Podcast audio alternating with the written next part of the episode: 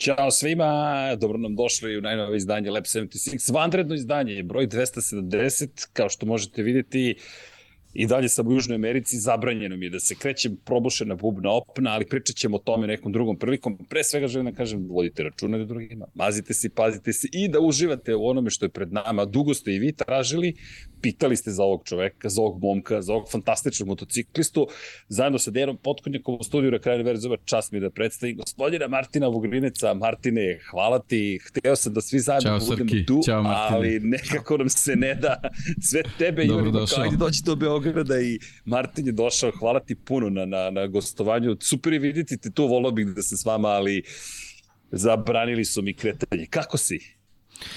Pa vidi, odlično. Pripremio sam se cijeli dan za ovo i na kraju smo skoro zakasnili jer e, imamo toliko drugo ovdje po, po Srbiji, naročito po Vojvodini, da smo zapeli uz put i nismo stigli ništa ni da jedemo, ali evo, drago mi je da smo konačno realizovali ovo. Pošto planiramo već neko druže, duže vrijeme, a i vidim ja po komentarima na vašim videima da ljudi traže, tako da baš mi je, baš mi je drago da se vidimo. Pa naravno, vidi, mi, mi smo te već usvojatali, čisto da znaš. Dakle, svi momci koji dolaze, devojke, kako god, sa naših prostora, mi navijamo za vas apsolutno i svojatamo vas. Tako da, do dugo čekamo na ovo i sve smo hteli da svi budemo tu, ali nema veze. Ok, snašli smo se, Južna Amerika, Evropa, sve to tu mm. negde. Ma ja mislim da se tebi svidjelo pa kao ono provušena bubna mhm. u ono, to, to malo simuliranja nije na odmet, da. Da, da, da, da, da, da, da, kao, jao ne smem da letim, nije da neću, nego ne smem da, da, da, da, teško mi je. Evo me na obali Pacifika, što, što je najbolje od svega, zaista u svakoj drugoj situaciji, verujem i ne bih se žalio, sad sam u razmišljanju kad ću stići kući. Ali okej, okay. ej, važno je da si ti tu i mnogo mi je drago da te vidim. Za sve koji eventualno ne znaju ko si ti, ajde da iskoristimo priliku ovaj podcast da te mali predstavimo.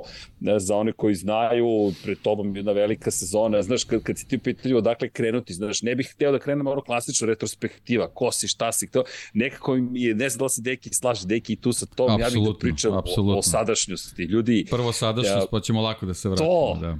To, zato što e, mnogo, mnogo se lepe stvari dešavaju. Na primjer, ti si ove godine, Martine, pred tobom je jedna veoma važna sezona, Junior GP, iako Junior GP nekako ne odgovara baš onome što se tu događa, to je sad Dorna sve spakovalo pod Junior GP, zapravo to je evropski šampionat Moto2 kategorije, koliko je važan, samo da napomenem, je toliko je važan da prethodna dva šampiona, pa i vice šampion, su sada veoma značajni faktori u šampionatu sveta Moto2 klase. Fermin Aldegger osvojio titulu pre dve sezone, sada vozač speed-upa na fabričkom buskoskuru. Alonso Lopez, otkrovenje prošlogodišnjeg šampionata sveta Moto2, bio je vice šampion zajedno s njim pre dve sezone, a prošle godine Lukas Tulović, koji je sada fabrički vozač Kuskvarne stigao si do Moto dvojke, znam da i zbog svoje visine da, da Moto trojke nisu baš bile naj, najbolje rešenje. Ajde da nam kažeš kako ti izgleda ova sezona, koliko je uzbuđenje, kakve su pripreme, kako ti gledaš nove stvari. Pazi, mi smo senzacionalistički, makar ja, Deki je tu mnogo, hm. mnogo racionalniji i neću da, da, da pravimo nikakvu famu u smislu očekivanja, ali navijat ćemo za tebe svim srcem.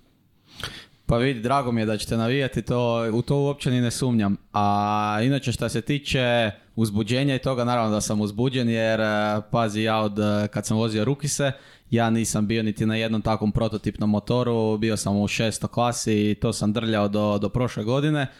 Ali meni je uvijek bila želja probati jedan Moto2 i naravno ne samo probati nego trkati se s njim. A svaki put kad sam ga vidio na stazi, bilo je par opcija da probam i da, da kao da probam, da vozim, da odvozim par krugova, ali nije, nije to to ako, ne, ako nemaš da, da poteraš. I stvarno ove godine, znači nakon prošle 2022 koju igrom slučaja nije uopće na početku nije ona trebala biti tako. Nama nije bio niti na kraj pameti plan da idemo voziti e, španski superbike, nego nešto drugo, pa je onda tu bilo problema oko organizacija, svašta nešto.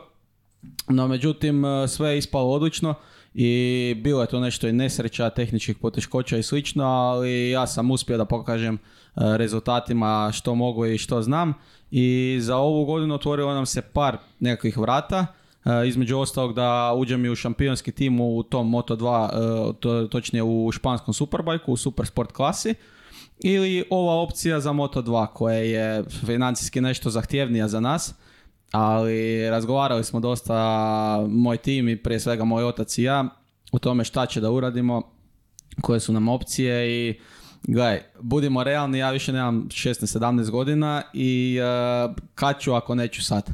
Tako. E, idemo probati, idemo vidjeti što možemo uraditi. E, na kraju krajeva, ako se ništa ne desi, bit će mi odlično u biografiji da sam vozio Moto2 europski šampionat.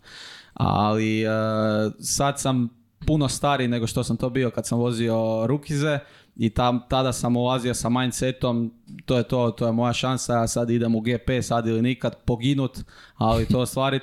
E, mislim da sad gledam to dosta realnije, i e, ja ću dati najbolje od sebe i iskoristiti maksimum iz materijala koji mi bude dat, iz situacije, iz bilo čega, iskoristiti maksimum i probati ostvariti što je bolji rezultat. Da li će to biti e, prvo mjesto ili će to biti deseto mjesto, naravno da ja neću biti sretan ako budem van top 5. Znači nekakva objektivni moja želja i ciljevi su da, da budem na granici top 5 ili čak možda top 3, ali Kažem, nikakve ciljevi, nikakve e, očekivanja. E, ako sve prođe u redu, ja ću sebi osigurati sljedeću godinu u kojoj se onda naravno očekuju nekakvi bolji rezultati, ali za sad mi da trebamo opušteno ući u sezonu i vidjeti šta se nudi.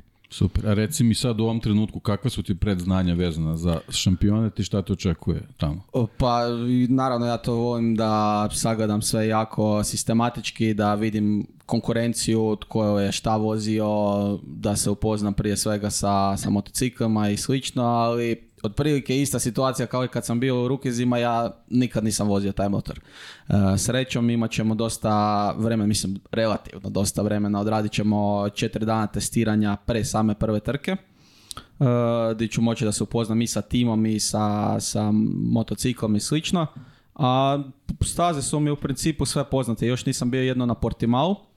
Jako mi je pomogao to što sam prošle godine vozio španski šampionat, zato jer sam trkao se cijele godine tamo ali još jedino nisam bio na Portimau. no međutim po onome što sam vidio naravno sa snimaka i po onboardovima i svemu mislim da bi mi Portimao trebao jako leći jer je to ono doslovno roller coaster, a moja najdraža staza je Ring, koja je ono drugi roller coaster, tako da mislim, da ćemo, da ćemo biti sa Portimao. Nisi ko Maverick nisam, nisam, obožavao. Od prvog dana kad sam stigao na Ringu u rukizima, bio sam oduševljen i nisam imao prilike da vozim Sachsenring do uh, eh, IDM-a kad se ona korona izjavovila, nije bio u planu uh, eh, Sachsenring da se vozi, ali se izjavovila eh, korona, nisu znali šta bi, na brzinu su leteli sa Sachsenringom ko as na I kako to izgleda, molim te, iz prve ruke? Bolesno. Znači, ili, ili voliš ili ne voliš. Uh, prvo i osnovno, većina uh, nas vozača nekako nam bolje odgovara leva strana, levi zali. I naravno, Saksanik je sve na levo, a osim toga ja volim ono slijepe zale, slijepe krivine. A Ring je cijeli slijep. Znači, ne vidiš gdje ideš, moraš jednostavno vjerovati sebi, moraš ići pun gas i... Neku pasicu gledaš i... Jeste, znaš, ono... to je to. A i zanimljivo je to, Mala je staza, mislim, relativno malo, to je naj, najkraća staza na MotoGP kalendaru, ali imaš jako puno opcija, linija, baš ono raznovrsna staza i jako dobra za trkanje. Srki? E, vidi, e, što se pa ne, mene, mene zanima krivina broj 11, znaš, meni je to kako tamo izgleda niz vodopad kada kreneš. pa čovjek, što se tiče krivine broj 11, prvih tri krugova u trci moliš Boga da ne pusti prednja, jer, znaš, ono, još temperatura nije, a nakon toga ono, dalje ide. To je jedan od boljih dijelova staze i više je čak impresivnije ono kočenje nakon, znači i krivina broj 12 nakon 12 znači, to je nekako, impresivnije. A ovo gore vidiš ono kao skijaška staza, ali pogotovo kad si u grupi sa drugima ne gledaš ti sad ono kao strmo je, ne, nego pun gas i to je to. A, što se tiče Španije sljedeće godine u sportima, ima još nešto slično što jedva čekaš? Pa vidi, nakon Saxneringa uh, e, najdraži mi je Aragon. Tako da, Aragon vozimo Jesi i Aragon mi odgovara. čuo zaista, čuo sam, Aragon. Dobra, dobra staza. Aragon da, i vidi, ka, kalendar kreće 7. maja, čisto da, da upoznam i publiku. Estoril se vozi prvi, 21. maja Valencija, Jerez je 4. juna, 2. jula Portimao, Barcelona 17. jula, 8. oktobra Aragon i Valencija 5. novembra. Valencija se ponavlja, dva puta je Valencija, sve ostalo su manje više poznate staze, sve četiri koje imamo u Španiji, plus ta jedna Valencija i dve u Portugalu, tako da u velikoj meri evropski šampionat zaista podsjeća na, šampionat Iberijskog poluostrva, tako da ovo što kažeš za šampionat Španije kao da je pravljeno bukvalno da za, kao priprema za, za, za moto dva šampionata Evrope. Pa budimo realni, sve svjetske šampionate e, su pod organizacijom Dorne, koja je naravno španska, španska organizacija i njima je u interesu da im staze budu čim bliže i da se guraju njihovi vozači, naravno. Mada, sad kako smo ove godine proveli, proveli dosta vremena sa Špancima, e, to su, toliko su zasitili taj e, motosport sa njima da se traži neko fresh, neko novi, dosta im je više španaca. I recimo meni e, je timski kolega ove godine, to jest prošle godine u timu bio e, dečko koji se zove, znači ono, klas, zaboravio sam, ali klasično ono e, španjolsko ima znači nešto je Manuel Rodrigo, ovo ono, ali deda mu je bio japanac, znaš.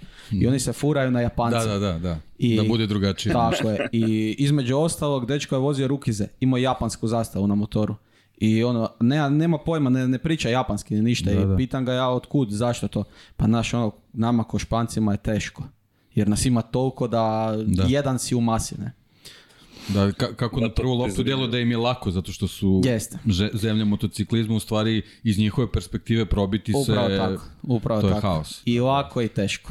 Da, da, A ona svaka, ona, uvijek je trava zelenija u susednom Jeste, i njihova borba je za poziciju, onako, mislim, znaš šta te čeka, tako da. Pa naravno, mislim. Spreman si za to. Ja, ja sam uvijek gledao, nikad me nije bilo strah konkurencije i protiv koga se, protiv koga se borim, ne, nemam taj strah ali opet s druge strane sam realan. Znam da su većina dečki koji će biti u topu i s kojima ću se ja boriti imaju već iskustva s tim motorima i više iskustva na tim stazama nego što ja imam, tako da treba samo smireno i ne praviti nekakve prevelike greške i naravno ne ovisi to totalno o meni, ali ne ozlijediti se jer ozljeda je najgore što može da se desi i, to je to. Kapiram da već nešto slažeš u glavi, ali recimo koliko misliš da će ti biti potrebno da se prilagodiš motociklu? Pa Pošto imaš ta četiri dana, rekao si, pretpostavljam prvi dan je taj neki shakedown, to sve, da li ćeš već moći da uđeš u brzinu do, do, do kraja tih prvih nekih, nekih treninga ili...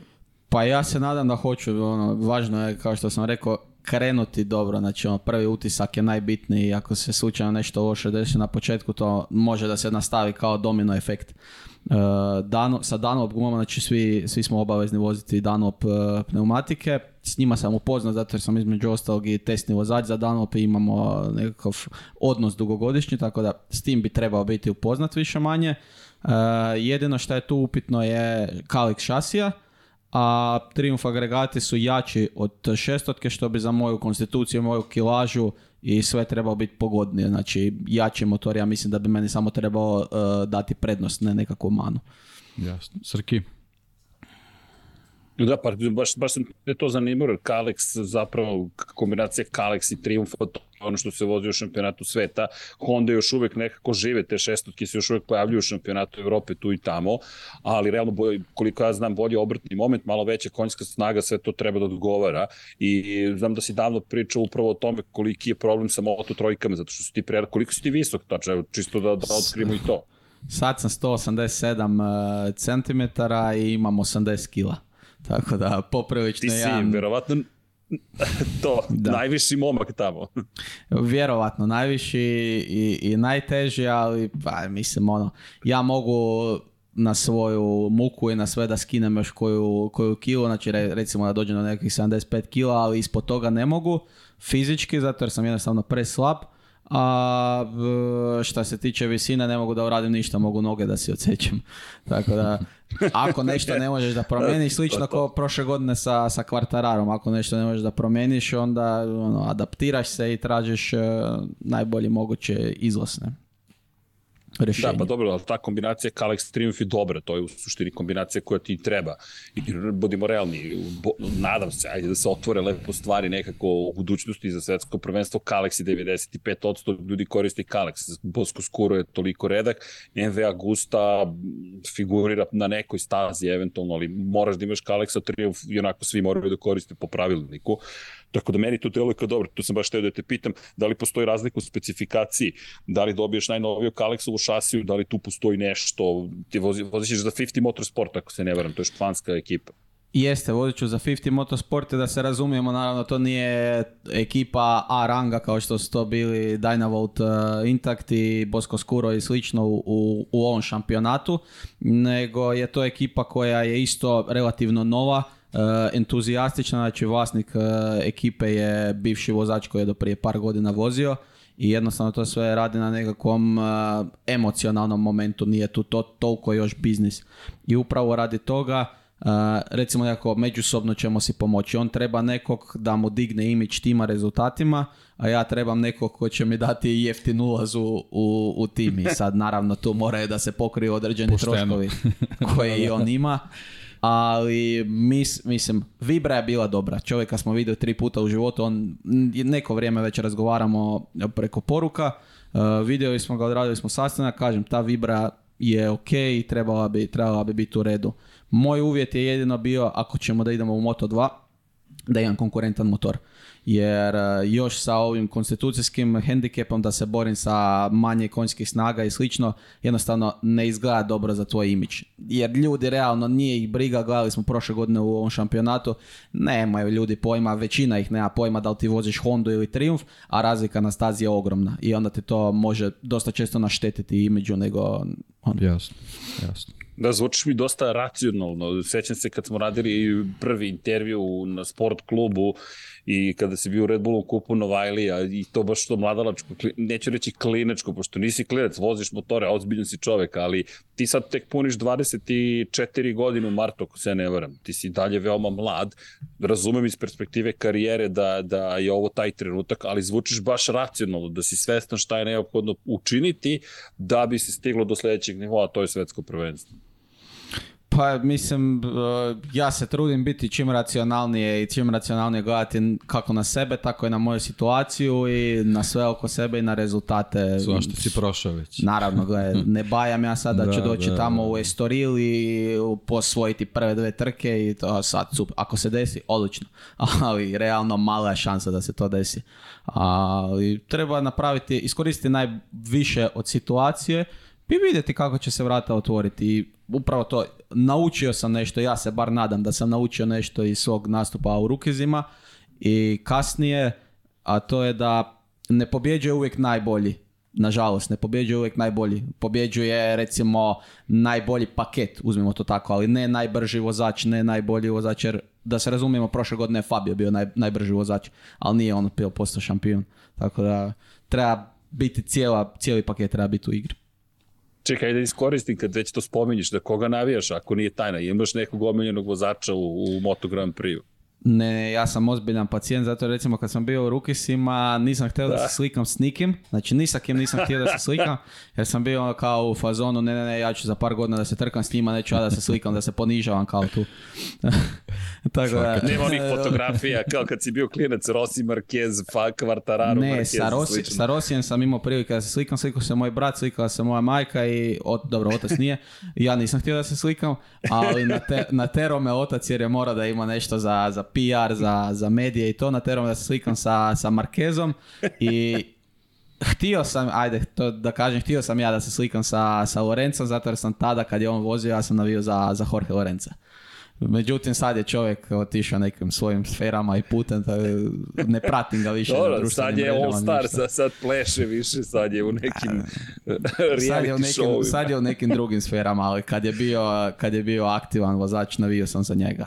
A danas ne favoriziram nikog sada da navijam, ali ja generalno u životu, u svim sportovima ja volim underdogove, ja volim one kojima koji se bore, a nemaju ono nešto, mislim, generalno mislim da ljudi vole underdogove i osobno mene uvijek, stra, ali to je normalno kod ljudi, ali mene strašno nervira taj, eh, ta struja kad je Fabio ušao u, GP, znači kad je potpisao sa Petronasom, ja se sjećam koji jučer, znači da su svi pljuvali po njemu šta on tu ima da radi, šta je on postigao Moto2, bla, bla, bla, A ljudi, većina ljudi nije pratila Fabija. Ja znam za njega od kad je vozio u tom prvenstvu gdje se ja sad idem, znači tad je bio to cef. Znam kad je vozio Moto3, kad je šamara ljude kao klinac koji on 12, 13, 14 godina. I ne zna, ljudi ne prate cijelu priču i ne gledaju širu priču ali ja sam navio za njega od početka kad je ušao u, ušao u MotoGP, ali onda kako se ta fama stvorila i pogotovo kad je postao šampion, nekako sam se malo udaljio od njega jer kud idu svi, ja ne idem baš tuda. Ja volim da budem drugačiji. Pa onda. Svaki čast. Super. Dobro, znači za Maverika vinjale se sada. To je nešto na deki račun. pa Maverick, da. Pa meni je Maverik full ok. Često ga znamo vidjeti zato jer je on tamo oko Valencije zna trenirati na Ribeiri, na Ricarda Tormostazi. Vidjeli smo ga jedno 3-4 puta ovako u njegovom trening fazonu. I dečko izgleda full normalno. Mislim, većina njih su full normalni, nisu to nekakvi rock starovi ali s njim nešto, ne znam, s njim nešto ne štima. To je tu, nešto je tu misteriozno, ne? Da, da, ima neka, neka crta ta baš onako čudna koju niko ne može da protumači. Ali Jer je Neosporno je da je on ultra talentiran i ultra brz i sve, ali valjda, ili pukne čovjek pod pritiskom, ili ga toliki detalji uznemire da, da jednostavno ne može da napravi rezultat ili Meni nije jasno. Ima talenta, ima brzinu, ali... Izvini, izvini. Ne. Pa, sam te pitao bi si pratio možda testiranja sezonska u Maleziji, kreće polako sezona, da li, da li uopšte imaš vremena za to, da li baciš pogled na, na te stvari. E da, kako je prošao, imao si sada, čekaj, kako je prošao i tvoj kamp, je sve bilo ok ova dva dana, znam da si bio u Beogradu, vredan si, ti stalno radiš. Pa vidi, da, ja se bakćam sa dosta stvari s kojima se realno ne bi trebao bakćati jer mi e, uzimaju dosta fokusa i energije i svega.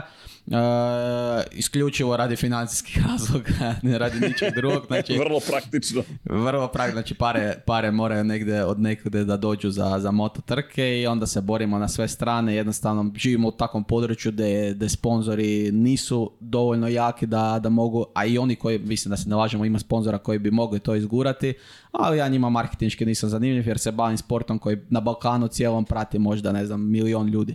Ako Eh, I onda moramo da većinu novaca sami nekako nađemo, zaradimo i tako dalje. I da ne duljim, sad uglavnom ja držim, eh, tokom godine ja držim škole, aktivno na stazi, ali tokom zime je ta nekakva rupa, nemam šta da radim.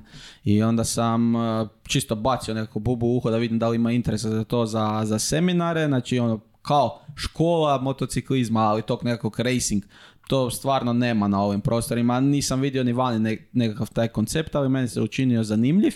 I, I stvarno ima interesa. Ja sam to prvi put organizirao u Dubaju i bilo je ultra pozitivno.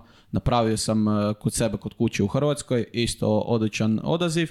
I sada me ekipa ovdje iz e, Sigurnosne akademije, to se zove Smart Workshop, e, me pozvala na svoju radionicu i on bilo je, ne znam, četrdesetak ljudi to vam funkcionira na, na, na šemu da dođe ko hoće i odeš kad hoćeš. E, bilo je planirana radionica za 3 sata, pet sati smo tamo e, mjeli filozofirali, otišlo je možda dvoje ljudi. Znači da, mm. e, evidentno da znamo čemu pričam i da im je bilo zanimljivo, ako ništa drugo. E, dobro, sve, super, prošlo. Ne, ne, ne, super, ali čekaj, čekaj, da iskoristimo to, to je ono što i naš posao u krajnjem slučaju, svi koji prate, prvo udrite like, to je zbog ekipe lab 76 Infinity Lighthouse-a, ali zbog Martina, pratite šta ovak radi, dakle na Instagramu ga zapratite, podržavajte ga, vaš glas može da se čuje, ti isti sponzori sutra će da pitaju, ej, čekaj, koliko ti ljudi prati, šta se događa, pa mi stalno pričamo, možda nas je malo, ali smo glasni, pa ajde da pokažemo koliko smo glasni i još jedna stvar, da kako mogu da ti ljudi podrže, da li postoji neka još mogućnost nešto da se uradi, da kažemo, ej čekaj, ajmo Martina da svi zajedno poguramo,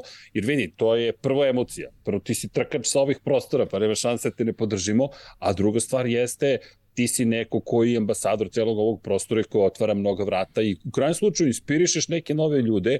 Mm, ja mislim da je i naša obaveza da, da, da mi promovišemo sve to što ti radiš. Jer, znaš, kažeš možda prati milion ljudi. Ajmo se potrudimo da prati 5 miliona ljudi. To je naš posao. To je da se trkaš i da budeš najbolji što možeš na stazi. Ajmo mi da uradimo ovaj deo priče. Tako da, ja se nadam ove godine, ajmo da, da, da mi uradimo naš deo priče, da mi podržimo svaku tvoju trku. Isto kao i sa Filipom, isto kao sa bilo kojim drugim momkom ili s svojih prostora, da pričamo šta radite, šta se događa, kakav god je rezultat, samo ti pružimo što veću podršku. Pa eto, to je moba i publici. Podržite Martina, idite na njegov Instagram, idite, ne znam da li imaš imaš TikTok, da li imaš Facebook, što god znači, da imaš. Znači ja sam aktivan na svim mogućim društvenim mrežama. Sad, u nekom manjem ili većem obimu, e, YouTube mi tu najviše stagnira, zato jer sam svestan, ja sam osoba koji volim da radim sve pedantno i, i top. Ja neću sada stavljam neke e, videe sa mobitela na YouTube, to mi je bez veze. I onda imam par videa, znači oko YouTube-a se najmanje bavim. Sad u zadnje vrijeme kako su izbacili ove šorce, onda mi je jednostavno jer samo prebacio sa Instagrama na YouTube, na YouTube šorce. Ali aktivan sam svuda, znači Instagram, Facebook redovito, nešto čak se bavim i sa TikTokom, mada ja sam već prestar da to razumijem, a e, vjerujem kako Vidi. da, ali evidentno moraš, moraš da budeš, moraš da budeš u toku. I, Teško je pratiti. Da, i imam taj YouTube. I, pa mislim, gle, hvala ti što si e, realno rekao to, što treba. Mene ljudi često znaju pitati koji je problem, zašto to ne prati više ljudi, zašto nije popularnije i onda često ljudi imaju taj nekakav mindset, a politika je kriva, ovo, on.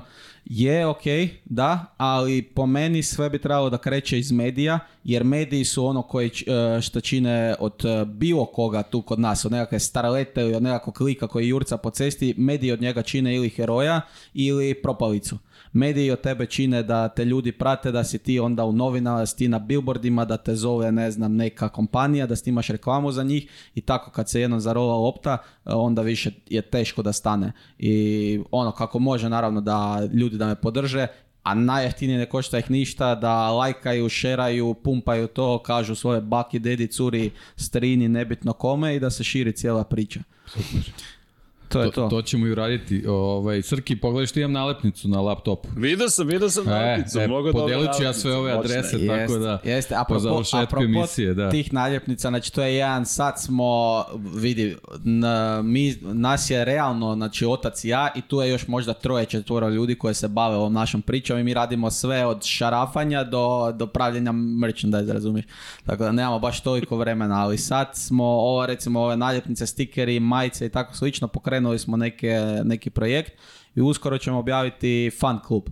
Znači, uh, otprilike kao što to ima Rossi za sebe, naravno ja nisam vale Rossi, ali mislim da sam jedni s ovih krajeva koji je otisnuo se negdje u svijet i oni koji će, koji će htjeti to malo više i financijski da podrže, moći će se učlaniti u fan klub i dobit će karticu, svašta nešto, dobit će ekskluzivan pristup meni, tako da sve što treba.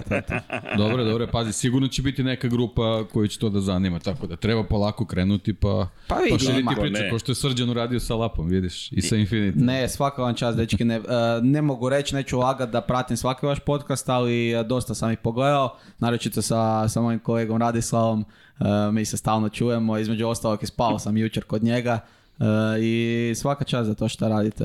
To je nešto što fali na, na Balkanu generalno, te nekakve modernizacije, jer niko, realno niko više ne, ne prati e, televiziju i vijesti, nego ljudi bubnu YouTube i šta god da rade, da. slušaju I nema se vremena za određene termine, moraš da budeš sposoban da, u svakom trenutku budeš, dostupan. Tako tako tako je.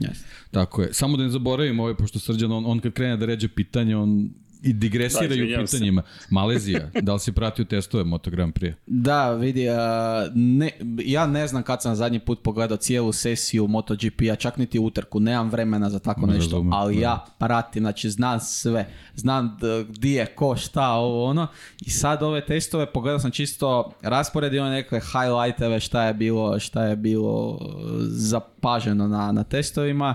I poprilično zanimljivo i po mojem sudu ne, ne neočekivano, znači nije se desilo ništa što ja nisam očekivao. E, mene, mene onako ovaj, malo već počne zabrinjava ta forma Honde i Yamaha koji su i vozači pričali da imaju veliki problem sa novim gumama, jedan brz krug ja ne znam sad kad krene ova sezona sa ovolikim brojem trka ako nemaš dobar kvalifikacijni krug Pa Vidim da sve ide kao kad su gume starije, tempo postoji, sve postoji, ali nove gumi, i brz krug pa jeste, ova sezona ja mislim da će biti jedna od najboljih u, u povijesti MotoGP-a, upravo radi tih sprint trka i znači sve će biti duplo napetije i duplo riskantnije i jednostavno ne znam šta očekivati. Ja mislim da će pobijediti onaj koji će imati najviše sreće iskreno. Da. Jer toliko ima tu parametara da ti jednostavno ne možeš biti konstantan. Sa tim sprint trkama ti tu sad nema previše nešto taktike.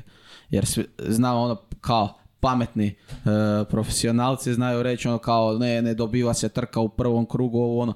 Jeste, ali se gubi u prvom krugu. Jeste. Jer ajde ti uđi malo pažljivije u prva dva, tri zavoja pa zapni u grupi za nekog pa ne možeš da ga prođeš. Ode voz.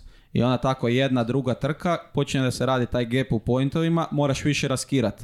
Pa ti onda dođe neki na Kagami u Barceloni pa vas poruši 16. Pa no, mislim da tu neće biti previše sad kalkulacija i to, nego ono, bol out što se kaže i, i ko ima više sreće. Ja, kako ti gledaš na sprint trke? To me zanima kao trkač. Te tebi to uzbudljiv koncept, znaš, Deki ja imamo najveći strah nam je od, od, od, od, od, od opasnosti, zapravo od rizika, ali ti si trkač, kako tebi to izgleda? Pa po meni, eh, da bi sport bio generalno zanimljiviji jer to je ono što se traži. Ne? Sad e, nemojte mijenjati isto koji u F1, ono kao znam da ima masu protivnika tih sprint trka i to, a po meni e, sve ide, svaki sport ide u tu nekakvu komercijalizaciju i da je čim brže, da su highlightovi, da, je, da se nešto dešava i nešto se mora promijeniti po meni. Sprint trke su top, ali iz vozačke perspektive, ja ne znam, znači tim dečkima će biti strašno sljedeće godine, jer ja znam kako je meni bilo, nikad nisam vozio duže trke nego prošle godine u, španskom superbajku, mi smo vozili po 20-25 krugova, što ovi na GP-u redovito rade. Sa šestom motorom koji je duplo manje fizički zahtjevan za vozit, uh, sa, mislim, ono, bit će im strašno, strašno zahtjevno fizički i dešavat će se greške. Mislim da je ovo je prvi korak ka nekakvom promjeni formata u pozitivnom smjeru, ali ja mislim da bi najbolje rješenje bilo da se skrati ona glavna trka, jer realno u većini slučajeva kad se dođe do, to nek, do te neke brojke od 15 krugova, trka je uglavnom riješena, ako ne govorimo o Moto3 naravno u trci, ako govorimo o GPU, posljednjih par godina ajde ne ima tu nekakvih i last lap borbi i ovo i ono, ali u, pravilu ako generaliziramo nakon polovice utrke već se otprilike zna nekakav poredak. Tako da po meni, a dosadno je realno zagledati, i meni je često dosadno gledati jer ono vidim znam ko će pobijediti, osim ako neko ne padne, znam poredak, idem raditi nešto drugo. Po meni bi trebali napraviti dvije kraće trke, to bi bilo, to bi bilo idealno za sve. Ok, to je zanimljiv koncept, to, to još nisam čuo da neko predložio, ali hvala ti.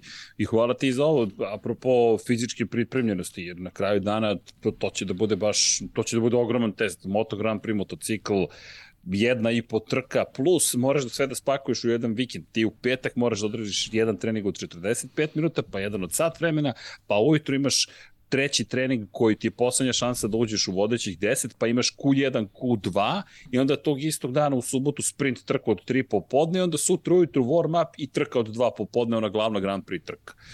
Cijel vikend kada pogledaš baš je onako zahtevan. Ali, ajde, ja verujem da si ti da će biti mnogo uzbudljivo, ali isto tako jedna greška baš može biti skupa. I pogotovo neki što kaže za kvalifikacije. Pogledaj sad Hondu i mahu ako su oni loši u jednom brzom krugu, a njima je startna pozicija definisana tim jednim brzim krugom i za sprint trku i za Grand pri trku.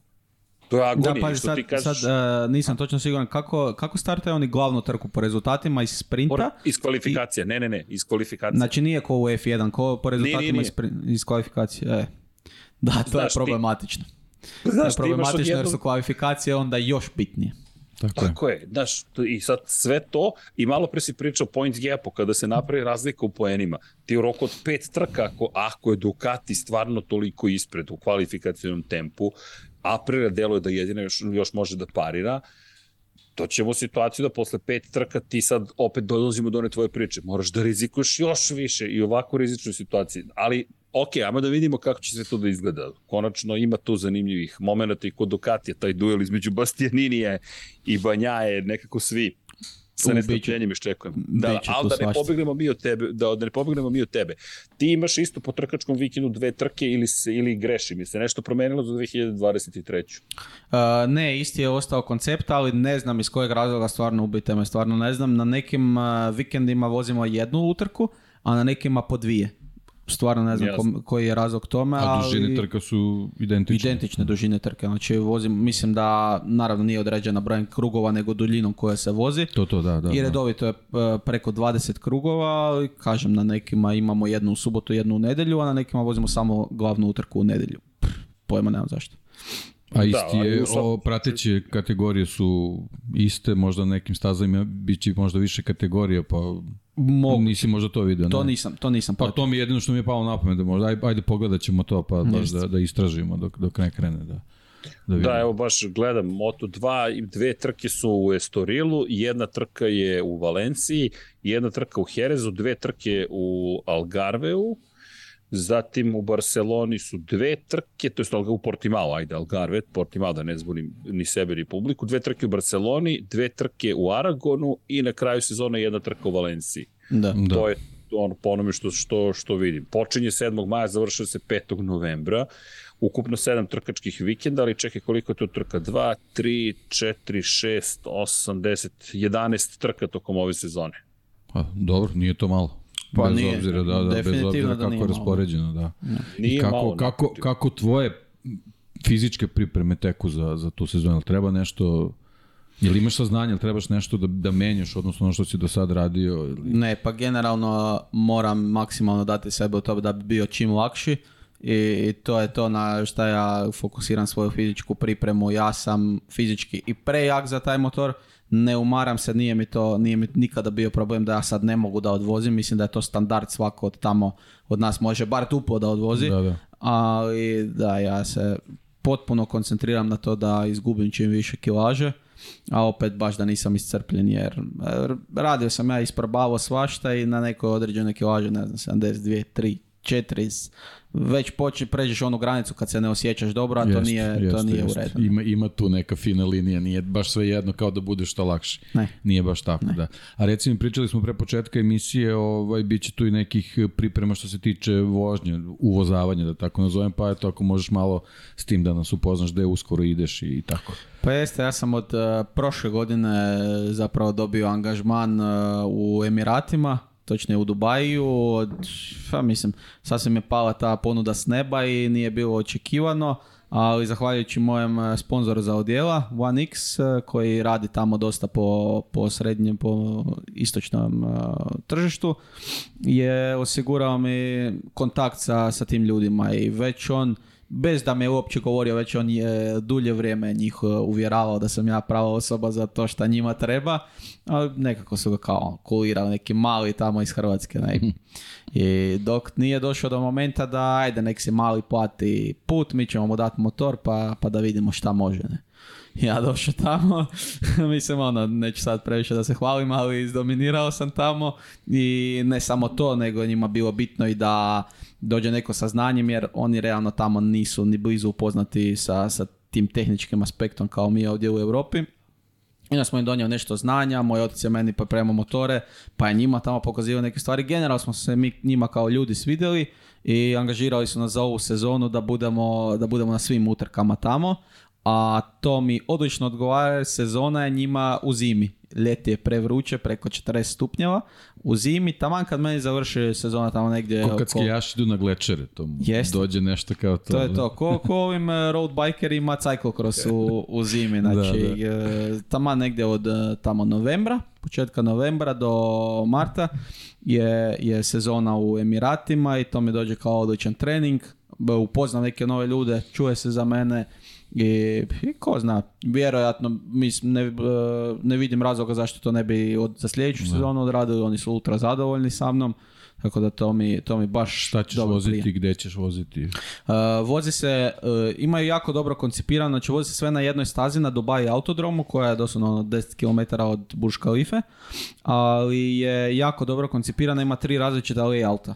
Tako da svaki puta, svaki drugi puta vozimo na različitoj stazi a, no, međutim, meni je bitno da samo imam motor pod nogama i da, i da radim krugove. A sljedeća utrka na raspored koja je danas 13. Znači, 18. imamo treninge, slobodan neki trening i već 24. imamo sljedeću utrku. Već smo koliko? Tri, tri smo već odradili ove sezone i predzadnju imamo sada 24. i onda ja mislim tamo 17. marta je, je posljedna pa, ove sezone. To je baš dobar timing pred, pred tvoju sezonu. Delo to je idealan timing, znači 17. E, ja imam test 25. znači šta nekakvih 12. E, dana nakon e, utrke u Dubaju imam prvi test na Moto2. Odlično posložen koncept. Koliko testova treba da bude na Moto2? Mi smo limitirani sa, e sad ne znam točan broj, ali mislim da smo limitirani sa sedam dana e, testiranja van utrka. E, znači na ono prvo, kako si rekao, četiri je u svakom slučaju sigurno na prvom testu. Jeste, tako. jeste. E, odradit ćemo, zapravo, odradit ćemo dva dana na Herezu, pošto je tim e, tamo baš u Herezu stacioniran, odradit ćemo dva dana u Herezu i onda prije same trke u Estorilu, ja mislim tri dana pre, pre, vikenda je oficijalni test prvenstva na, na stazi u Estorilu. Znači to će biti nekakvih 5 dana i onda imamo još 2 dana negdje mid-season za, za testiranje. To je što se tiče vođenja Moto 2, sad ja na svojim motorima mogu da vozim i kad hoću. Jasno, jasno da to, to ne predstavlja neki, neki problem, ali će se fokusirati na te staze koje ćeš i voziti u štampionatu. Pa jeste, koliko ću imati, koliko imati vremena, jer e, problematično je to da ja u, između utrka ne mogu cijelo vrijeme da budem u Španiji kao većinu dečkiju, jer prije svega nemam financije za to, a e, druga stvar je da moram da radim te svoje škole na, na drugim stazama i onda sam cijelo vrijeme, znači škole su na, na Grobniku, na Panoni, Brno, Slovakija ring, znači tu sve ovaj naš, e, da. uzmo to tako kao istočni blok da, blizu ti za logistiku, ali u stvari daleko od Španije. Tako je, i onda mora da. stalno da letimo i da putujemo lijevo desno, neka čak idemo i s e, kombijem, ne samo s avionom jer moramo nešto opreme da nosimo i tako. Ima Kakav je Slovakija ring za motocikle? Odlično. Ja nisam baš imao previše, zapravo imao sam i dobrih rezultata, imao sam nešto nesreća, slomio sam ruku na, solaki, na pa mi je nije nešto super u sjećanju, ali meni za vozit ekstra, ultra brza, jako brza, nas da ste bili. Pa da, ali zato ti pitam, pošto sam uglavnom VTCC pratio tamo ovaj, kao, da, kao automobili, nisam... Ovaj... Znači, onda znaš kako je Slovakija. Da, da, apsolutno. Znači, ona druga krivina poslije prvog skoka. Strava, znači toga, mhm. toga nema nigdje na svijetu. To je, da pazi, to je iz pete vraćaš u četvrtu i ne, ne kočeš ništa. Znači vraćaš u četvrtu i otvaraš pun gas i na lakto si tamo. I motor vrišti, hoće da se Vidim ja šta ti voliš. To. I to je neki roller coaster. Strašno, ja, sjajno, sjajno. Dobra, dobra staza. Super. I, dakle, i šta... čekamo Filip Island, samo da ubacim to. Reci, reci Srki, da, da. Samo Philip Island čekamo, da, da te vidimo tamo na, na, u Australiji, očigledno da ti, ti to to da, Da, znači od staza koje ja nisam vozio, a mislim da me mogao ležat, je još Mugello. Nisam nažalost nikad imao priliku voziti Mugello. I, I definitivno Philip Island. Mislim da bi to mogao ležat. I Laguna Seca. Jeste. A sve, a sve je blizu kao to. Da nisi rekao da smo pogađali, mislim da bismo pogodili. Šta ti odgovara? Još Mugello, ajde, ali Philip Island uh, vidjet ćemo. E, jesi vozio Asen? Jesam. Je, I ne sviđa I? mi se. Ne. ne sviđa mi se na Asenu. Ja bih rekao da mi je Asen možda, pa, recimo Panonia Ring zaista ne volim. Panonia Ring mi je katastrofa staza, on nema nikakvog ozbiljnijeg prvenstva na Panonia Ringu, pa ajde srećom. Ali Asen mi je najgora ozbiljna staza u svijetu, zato jer stvarno svaki puta mi se nešto desilo i u zima. tamo sam se dva puta... jednom se zabio dečko u mene, mislim da Sasaki ili Toba, ne sjećam se sad više, jednom e, sam pao sam od sebe u drugoj trci u Rukezima, onda na idm na šampionatu Njemačke, kad smo svake godine smo vozili Asen, uvijek je bilo nešto, uvijek ta nekakva kiša i stalno, znači ne, ne volim Asen mm-hmm. generalno. Izvini, nisam htio da budim loše, loše uspomene, nego ne, Asen zvuči kao da bi bio u tom duhu, znaš, kao... Pa jest, Asen, je, Asen je ultra brza staza, ali nešto je fora kod Asen, Asen je jako ravan a ja ne volim ravne staze. Ne, nekako mi, ja volim ono kad je gore, dolje, stalno da se nešto dešava, silovanja, što ono, udaranja i to, to je ono, agresivno. Dobro, toga će biti u dvojkama, verovatno. Pa moguće. E, ja, ja mislim da bi meni BSB, recimo, British Superbike, da bi da, to da, baš da, ultra da. odgovaralo. To sam htio te pitam, Alton Park i te staze, znaš, pričaš da, upravo o tom skoku. Da, znači, na Kadvel, to, to, to, to. Strašno. A ne smijem ni da kažem, znaš, imao sam uh, jedno vrijeme kao klinac sam strašno brio na ono Isle of Man i ovo i ono te, te po cesti i onda mi je rekao čao nećeš ti to nikad da voziš uh, prepilit ću ti motor na pola ako ćeš to da voziš i ovo i ono samo Da, reći u startu odmah da, znaš na čemu si. I, onda nisam ono kao ok, ali sad u zadnje vrijeme nekako opet počeo me nekako draži taj man, ali pa vidjet ćemo kud, nas Olako. život nas Da, ali super šlagvor, super šlagvor, pošto si krenuo s tim pričama ranije i tata sve, kako u stvari to sve krenulo? Kako sve je krenulo klasično, naš ono, ko, dokumentarac kad ljudi snimaju hoju naš ono, ili ko, gledali ste sigurno one dokumentarce o Markezu, znači ta šema, imao sam identičnu PV-ku, Yamaha PV50 koji, koji on rozo bijela, super za curice, i ono, otac je trčao za menom po, po igralištu ispod kuće i kad je, on je tada vozio utrke e, ovdje po, po Balkanu, čak i Alpe Adria šampionat, ja sam uvijek išao s njim, uvijek sam bio u tom pedoku kao ono, miris benzina i benzin u krvi, te sve klasične priče, ali tako je to krenulo i onda u jednom trenutku uh, je došlo doba da ja krenem da se trkam. Kod nas nigdje nije bilo mogućnosti kako danas imaju klinice uh, bezbroj opcija, hoćeš mini GP na ovalitima, hoćeš, uh, evo ovo sam ja, da, ovo sam ja u vršcu. Dakle, sad, sad da dođem do, do tog početka, znači E, nismo imali opcije da se trkamo ovdje sa motociklima, nego sam krenuo u karting. Bio sam e, prvak Slovenije u kartingu i slično, ali nikad mene aute nisu previše e, privlačili. I onda sam dobio baš ovu apriliju 125 na poklon od jednog čovjeka koji je sad pokojan, ali dobio sam je doslovno na poklon i ajde da se trkamo negdje. I naj Prvo nam je bila želja da vozimo Alpe Adria, to je neko regionalno najjači šampionat i slično. I odemo mi do, do Moto Saveza u Hrvatskoj da tražimo licencu. Zapravo nismo čak ni mi samo inicijativno išli, nego su nam rekli, gle, super, odlično to, ajde neko mat, mi ćemo vama vanrednu licencu, jer ja sam tad imao 10 godina mi ćemo vama vanrednu licencu, ovo ono. I mi se došli pojavili na prvu trku Alpe Adrije u Hungaroringu, tad je to bila, mislim, 2008. ili tako nešto. I oni zovu nas, ja odradio prvi trening i, sve, i oni zovu nas e, gore u, u office, ne možete da vozite kao nemate licencu prema Adista, ono nam meni pisao 12 godina da je ona licencija, ovaj pogledali daj pasoš, imam 10 godina. I tad su nas izbacili tamo i ovdje i onda i zove moj otac sve ljude koje zna ovdje u regionu, između ostalog zove i ovdje u Srbiju i ja sam ovdje u Srbiji imao 3 godine, 12 godina i baš ova slika iz vrca, ja mislim, jedan od mojih prvih vikenda ovdje. kako vremenska mašina. Ovdje u Srbiji. Znači, neki dan sam, baš kad sam tražio slike za ovaj vaš podcast, sam, sam našao to i smio sam se od uha koliko je, zapravo koliko je puno vremena prošlo i koliko ja to dugo radim. Tako da, da, da. Sećaš moje, se te trke. Moje prve trke, prave trke su krenule ovdje u Srbiji. Je se sećaš ove trke? Sećaš se, pretpostavljam. Nije to baš tako davno bilo, ali... Pa meni je bilo davno. Mislim, čak mislim da sam možda bio... Mislim da sam četvrti završio u vršcu, ali te godine znam da sam uzeo i par pehara ovdje.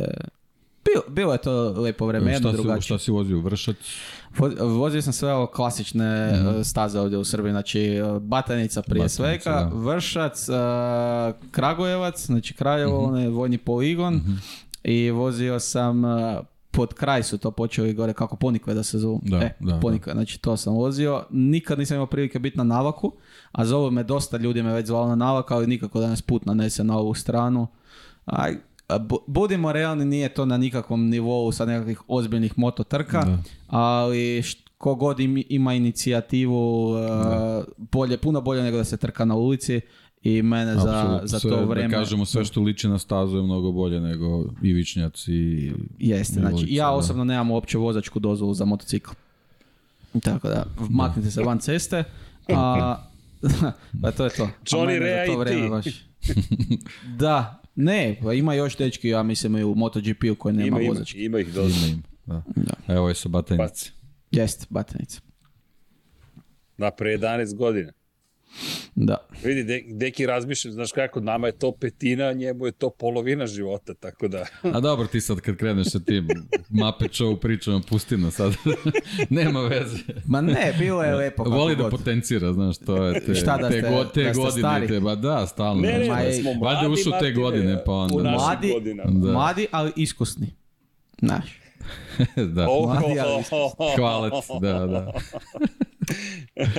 Lepo. I čekaj, kako je posle to sve išlo? Krenuo si iz Srbije, krenuo si iz regiona. Kako si stigao do Red Bullovu kupa Novalje? Kako se to desilo? Da, ljudi se generalno ovde nekako za, zarobe se, zadrže se ovde. I... Da, mi smo uvek imali da. veće afinitete i apetite od onoga što zapravo možemo. I dan danas je tako jer mi realno ne možemo da vozimo taj Moto2 šampionat, ali eto, idemo, vozit ćemo ga. E, I kada smo vozili ovdje po Srbiji, uvijek je bila želja za nečim većim. I ja sam ovdje osvojio zapravo u ovom prostoru, u ovom regionu sve što se mogao. Bio sam dva puta šampion Srbije, bio sam dolje prvak istočne Europe, u Bugarskoj smo dosta često vozili u plevenu. E, sporadično, nije nam to bio cilj, sporadično sam bio i prvak Rumunjske, prvak Bugarske i slično. I jednostavno trebali smo negdje dalje. I puno, puno ljudi, kao što se danas puno ljudi pra, zna praviti pametno, puno ljudi nam je ono kao ajde u rukize, ajde u rukize. I naravno, znali smo mi da trebamo da idemo u rukize, ali prvo to nije ni blizu lagano, drugo financije su tu uključene i bla, bla, bla. I te, ja mislim, 14. kad sam ja prvi put počeo da vozim nešto 600, 600 kubika po, po, ovim, po srpskom prvenstvu, smo mi aplicirali na kraju godine za za rukiju za u rukize i nije dolazio nikako poziv jer naravno ne znam da li gledate, slušatelji znaju ali uh, u rukize moraš da prođeš test a zapravo da bi uopće bio pozvan na taj predsezonski test ili kao selection event, oni to zovu, moraš da imaš nekakve reference, ne možeš da budeš ono, sad ja sam vozio biciklo po cesti pa bi ja da uđem u rukize. Nego moraju neke rezultati da stoje iza tebe i to je rigorozan proces, ima 20 stranica u Wordu moraš ispuniti gdje, što, kako, moraš dati barem petero ljudi da piše preporuke za tebe i slično. I da ne duljim sad, e, znači ispunimo mi to sve i približava se test već skoro mislim mjesec dana prije eh, predsjedinskog testa, tog, točnije tog selection eventa, nema nikakvog poziva, ništa, rekao kao, ok. I dođe poziv da crtajte se za, ne znam, tri nedelje u Gladixu u Španiji na selection eventu za rukize. Mi tad nismo imali prebijene kinte, zima je dolazila, sezona je bila završena, znači baš ono sjećam se koju je jučer bila je strava i išao je, moj otac i, majka su išli, točno ne majka, nego pomajka Katica, su išli eh, da beru grožđe da bi uspjeli da zarade nešto para za, da, da opće odemo na taj predse, to je selection event i jedan čovjek tamo blizu nas koji mi je tada bio i sponsor nam je kupio karte i hotel i sve i ajde odemo mi zapalimo ja prvi put letio avionom isto je moja pomajka sve ono naša wow, experience, sve super. I odemo na taj selection event i kad sam ja vidio, eh, kad sam ja vidio to sve, naš ono let avion, ja sam bio ultra uzbuđen oko toga, ali imao sam taj neki, zapravo ni sam ne znam zašto sam ja bio toliko fokusiran, ali ja kad sam došao tamo, ja sam imao taj nekakvi, drugo, evo, naježio sam se. Imao sam nekakve predosjeće, drugačije je to sve izgledalo. I srećom po mene, mi smo tada vozili dvotaktne Metrakit mašine 125, a ja sam evo pet godina prije toga vozio 125-ice na aprili. I to je bilo upravo, znači motor kako sam ja vozio, samo bolje kočnice, bolja amortizacija, sve super.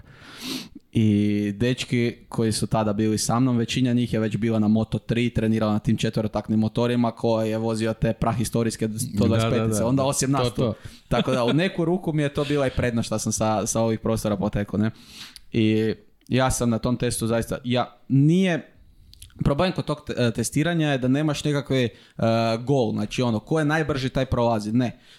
On je vas tamo postavio u, u, u jednu briefing sobu, ima, mislim da preko 200, 200 dečaka i djevojčica, 200 klinaca pozovu tamo na to e, testiranje i ovisi od godine 10 do 15 ih prolazi tek u kup. I to ti izgleda tako da nas, pa nas 200 nas podijelio prva dva dana je prvi krug, mislim da smo grupe od po 10 vozača, stavite unutra u briefing, ne pokazuju oni tebi ni motore, ni ne pitajte oni jel ti odgovara pože, kočnice, menjače, ovo, ništa. Postavite vani, tu su vam motori, da vam ide u ovaj smjer, gas. I da vidim... Čekaj, Guadix je ona staza pored Barcelone. Ne, Guadix je, je pored Malage, znači... Pored Malage dole, da, ali da, ona ima jednu brzu desnu posle startnog pravca. Pa, znači, startna ciljna ide... Hoću kažem, malo je roller coaster. Jako to sam htio da kažem, ima je posle jedna brza desna, ne vidi se pa ništa. E, da, da, e, znači, to, je super to čekam da mi kažeš, pošto sam, pobrko sam ima kod, kod Barcelona ima jedna sličnog imena, ali, ali samo sam htio da vidim koja je od tede, ali ona je isto roller coaster. Da, da. Ne, Guadix je super i da, nikako da. uzmemo da imamo priliku da vozimo tamo, jer nekako zatvorena je za aute više manje. Da. Ne može baš često da se vozi. British Superbike ima neka testiranja tamo, ali ja sam tamo često bio zato što je tamo ovaj, e, dosta proizvođača automobila koriste kad rade tako, promocije automobila. Tako, zato je ne mogu da, mi da, se vozimo ne kao redovito, nije open public baš. No da ne duljimo, znači doslovno stave klince od ne znam 10 do ne znam sad koliko je, 14 godina e, range e, stave i ono, ajmo, sretno. ne kažu ti ni šta trebaš, ni šta hoćeš, ono, idi vozite se. Snađi se. Da, upravo to. I o princípio kad sam ja kasnije sagledao situaciju, ja možda nisam bio tamo najbrži, ali evidentno da nisam bio među bržima, ne bi bio izabran, ali ja sam zadovoljio sva ta njihova testiranja, jer tamo je bilo, kasnije su oni nama pokazali, meni se, niko nam se nije javljao prije, kasnije su oni pokazali, bilo tamo 20 ljudi, gledalo sa svakog zavoja, zapisivalo ko šta kako. I naravno, mislim da je trebala biti kombinacija između borbenosti, jer e, nije bilo starta, ali ono, bilo je tu prestizanja, fajteva, ono, mislim da je trebalo pokazati kombinaciju između borbenosti, brzine, snalažljivo da li su nam... Pregleda situacije. Jeste, znači svega. I da, ono, ja sam prošao taj prvi krug prvi dan, i ne znam, mislim da se oko 50 bilo u posljednjem u finalnom danu i od tih 50 prozovu nas 12, mene su zadnjeg prozvali. Ja sam već nakon pola mislio, ma ono kao ništa toga, idemo kući i mene zadnjeg prozovu. I evo, sad se naježim, to mi je bio jedan najboljih trenutaka u životu. I onda je krenula moja najbolja i najgora sezona u životu. Jer baš ono sa početka podcasta što sam rekao, mi smo pre nadobudno i pre entuzijastično ušli u taj cijeli projekt bez imalo znanja. Da ja sad imam barem u pola znanja, da sam ja tada imao barem u pola znanja koliko imam sad, drugačije bi to izgledalo. Ali ja sam na prvi pre-season, pre test, znači u Herezu, stigo ono sa ciljem ja sad idem u svoj trukize nikad u životu nisam vidio Moto3 motora, kamoli da, da bih vozio Moto3 motor, nikad nisam vozio na Heres stazi, pojma nisam imao, o, ničemu nisam imao pojma i zašto sam vani, ja sam u 5 dana testiranja pet puta pao. Između ostalog sam i slomio mali prst. I to je baš ono što sam rekao na, na početku, kako kreneš i kako ostaviš taj prvobitni utisak, jako puno toga ovisi o tome. I da bi došao do, čak do te situacije da su meni iz, eh, iz Red Bulla, znači tamo iz organizacije, rekli vidi, sad je sljedeća trka ovdje na Herezu, uh, padneš li u bilo kojoj sesiji, znači ako padneš, nije bitno kako završiš, ako padneš u bilo kojoj sesiji ne voziš više ostatak sezone. Da, to je baš pritisak. To je ogroman pritisak i zato je meni recimo jako žao i malo insajderski više da to je, to je taj test u predsezonski test u Herezu bio. Zato meni insajderski jako bolje razumijem kako se mislim naravno ne razumijem ni u blizu kako je sve realno, ali puno sam bliže nego javnost šta kroz ta sve vozači prolaze i kako su to bitke. Pogotovo u tom KTM i Red Bull sistemu. Znači vidite da oni mijenjaju vozače ko čarape i to je strašno brutalno i ja to ne podržavam nikako. Da bi na kraju sezone ja mislim, od negdje od sredine sezone sam se ja uspio uhvatiti u grip s tim i počeo sam da ostvarivam nekakve kao značajne rezultate. E, nekoliko ovih bodova je tu bilo u igri 12. 13. mjesto i tako dalje. I na kraju sezone sam ja završio, znači nisam, nije to bilo ništa značajno, ali ja nisam završio zadnji, bilo je mislim jedno 5-6 momaka iza mene. I ideš tako brutalno, znači na kraju sezone u Aragonu i to baš prije zadnje trke, ne na kraju vikenda, nego prije zadnje trke, oni tebi ujutro kažu hoćeš li voziti sljedeću sezonu ili ne. I zovu nas jednog po jednog unutra i normalno otvore, gle, sve je bilo kao ovako, onako, mi ti želimo puno sreće, ba, vidim ja već u kom smjeru to ide, moraš da potražiš svoju sreću negdje druge. Niti ti kažu zašto ni ideš, ni zašto da, ni zašto ne, ni ništa i to je meni jako teško palo. A ono što mi je još teže palo da su pozvali dva dečka koji su imali slabe rezultate od mene. Ali iz nekakvih drugih razloga su nastavili dalje i, i eto, to je, to je nekakav mali uvid u to kako sve to funkcionira. A reci mi koliko te ta, tu prvo ta, njihova ovaj, odluka i, i to sve kako se odluka, koliko te to pokolebalo, a koliko ti u stvari dalo neku snagu da probaš dalje? Jel si stvarno pomislio možda u nekom trenutku kao čekaj gde sam ja ovdje, jel to ne, ovako treba da bude? Strašno, ne, to je mene toliko psihički kada jer pazi, to je bila 2015, sad sam tada imao 16 to, godina. To, zato ti pitam. Sad tad imao da. 16 godina, a to su stvari koje Vjer, ja sam siguran da je i Gardner prošle godine plako kad je dobio nogu iz, eh, iz MotoGP-a, a kamo ja sa 16 da, godina. Jasno. I mene je to toliko psihički mučilo do, ja sam tek prije možda par godina. Kad smo, rec, ajde recimo kad sam počeo, kad, kad mi je počelo dobro da mi ide u Nemočkoj. Ne, pitam te pre svega što stvarno vidim, ovaj, jako lepo pričaš i, i, trezven si u čitoj priči sve i, i čisto hoću, zanima me eto kako, kako Martin sa 16 godina, kako je on u stvari to, to sve mora da podnese. Sigurno nisi bio jedini, verujem da vas je bilo... Ne, ne, ne sigurno nisam bio jedini, ali dosta dečki je nakon toga odustalo, puno. Dečki s kojima sam ja vozio, danas voze u MotoGP-u, većina njih ne vozi nego je odustalo. Ja sam taman negdje između. Ima nas par koji se još borimo. Martin tada sa 16 godina je plako dva dana puta, jer je to bilo u Aragonu u Španiji, dva dana smo se vozili, Martin je plako. Ja sam rekao kad smo išli sa Aragona, to je to, čao, ne, ne, ne, ne, nikad više neću na Aragonu biti. I znam da mi je rekao otac, e, bit ćeš prije nego šta, nego šta misliš. I stvarno je, istina. Ali psihički me slomilo. Jer ja sam morao da se vratim iz MotoGP-a, iz pedoka, iz znaš, ono, svega. Ti tamo imaš all in access svuda, živiš san godinu dana i onda moraš da se vratiš ovdje i prvo da odlučiš hoćeš li nastaviti dalje s tim ili nećeš, a ako hoćeš, ti šta, kako. Mi nismo imali niti motocikl za bilo koje prvenstvo ovdje, ok, imali smo tu 125-icu, ali to nije bilo smisla da se vozi dalje. Niti smo imali kakav šesto motocikl, niti smo imali koje konkretne sponzore da bi mogli, znači ništa, ništa. I, I dva, tri puta smo baš bili ono jako blizu praga da batalimo sve, kako se kaže, da odustanemo i onda idemo, idemo raditi nešto Šta je drugo. prelomilo? Pa naša ludost. Pod naša mislim na ludost mog, eh, mog oca Ivice i, i moja ludost.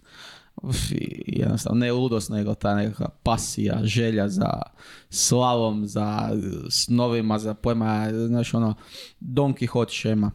možda je to nerealno ili blesavo, ali mislim da se jako rijetko dešavaju nekakve velike priče iz toga, aha, sad ćemo mi u tebe uložiti, pa ćeš to onda po planu, pa ćeš ti osvojiti i ovo i ono i onda ćeš ti biti veliki šampion. Ne, mislim da to tako ne funkcionira. Jesi pravio neku pauzu tad od motocikala ili...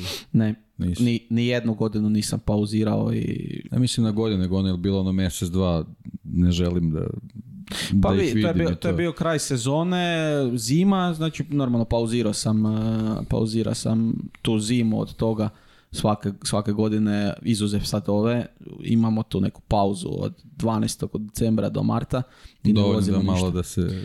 Dovoljno da se odmoriš od vožnje od tog stresa, ali opet to je najgore doba godine, zato jer koliko tokom godine nismo interesantni ljudima toliko, tokom zine, tek nismo interesantni ljudima, niti ima trkanica, šta priča, niti šta dešava. Praktično iz početka kretali smo. To je to.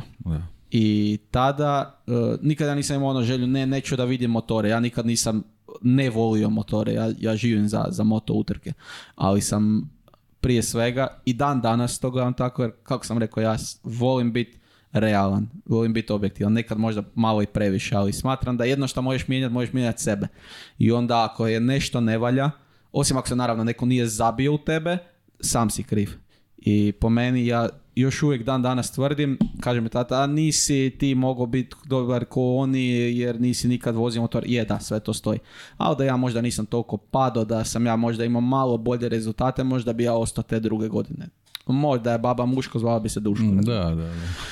Ali eh, sam sebe sam krivio, izjedalo me to i upravo radi toga nisam, nisam mogao ići dalje. I jedino što mene zapravo izvuče iz te nekakve depresije je to da sam sebi pokažem, ok, možeš ti to. I zato kažem da sam ja, ja mislim da sam ja psihički prebrodio taj rukis, tek kad sam počeo da osvajam uh, podijume po Njemačkoj jer IDM je ipak malo ozbiljnije prvenstvo i od Alpe od svega, to je prvenstvo koje u svijetu znači nešto.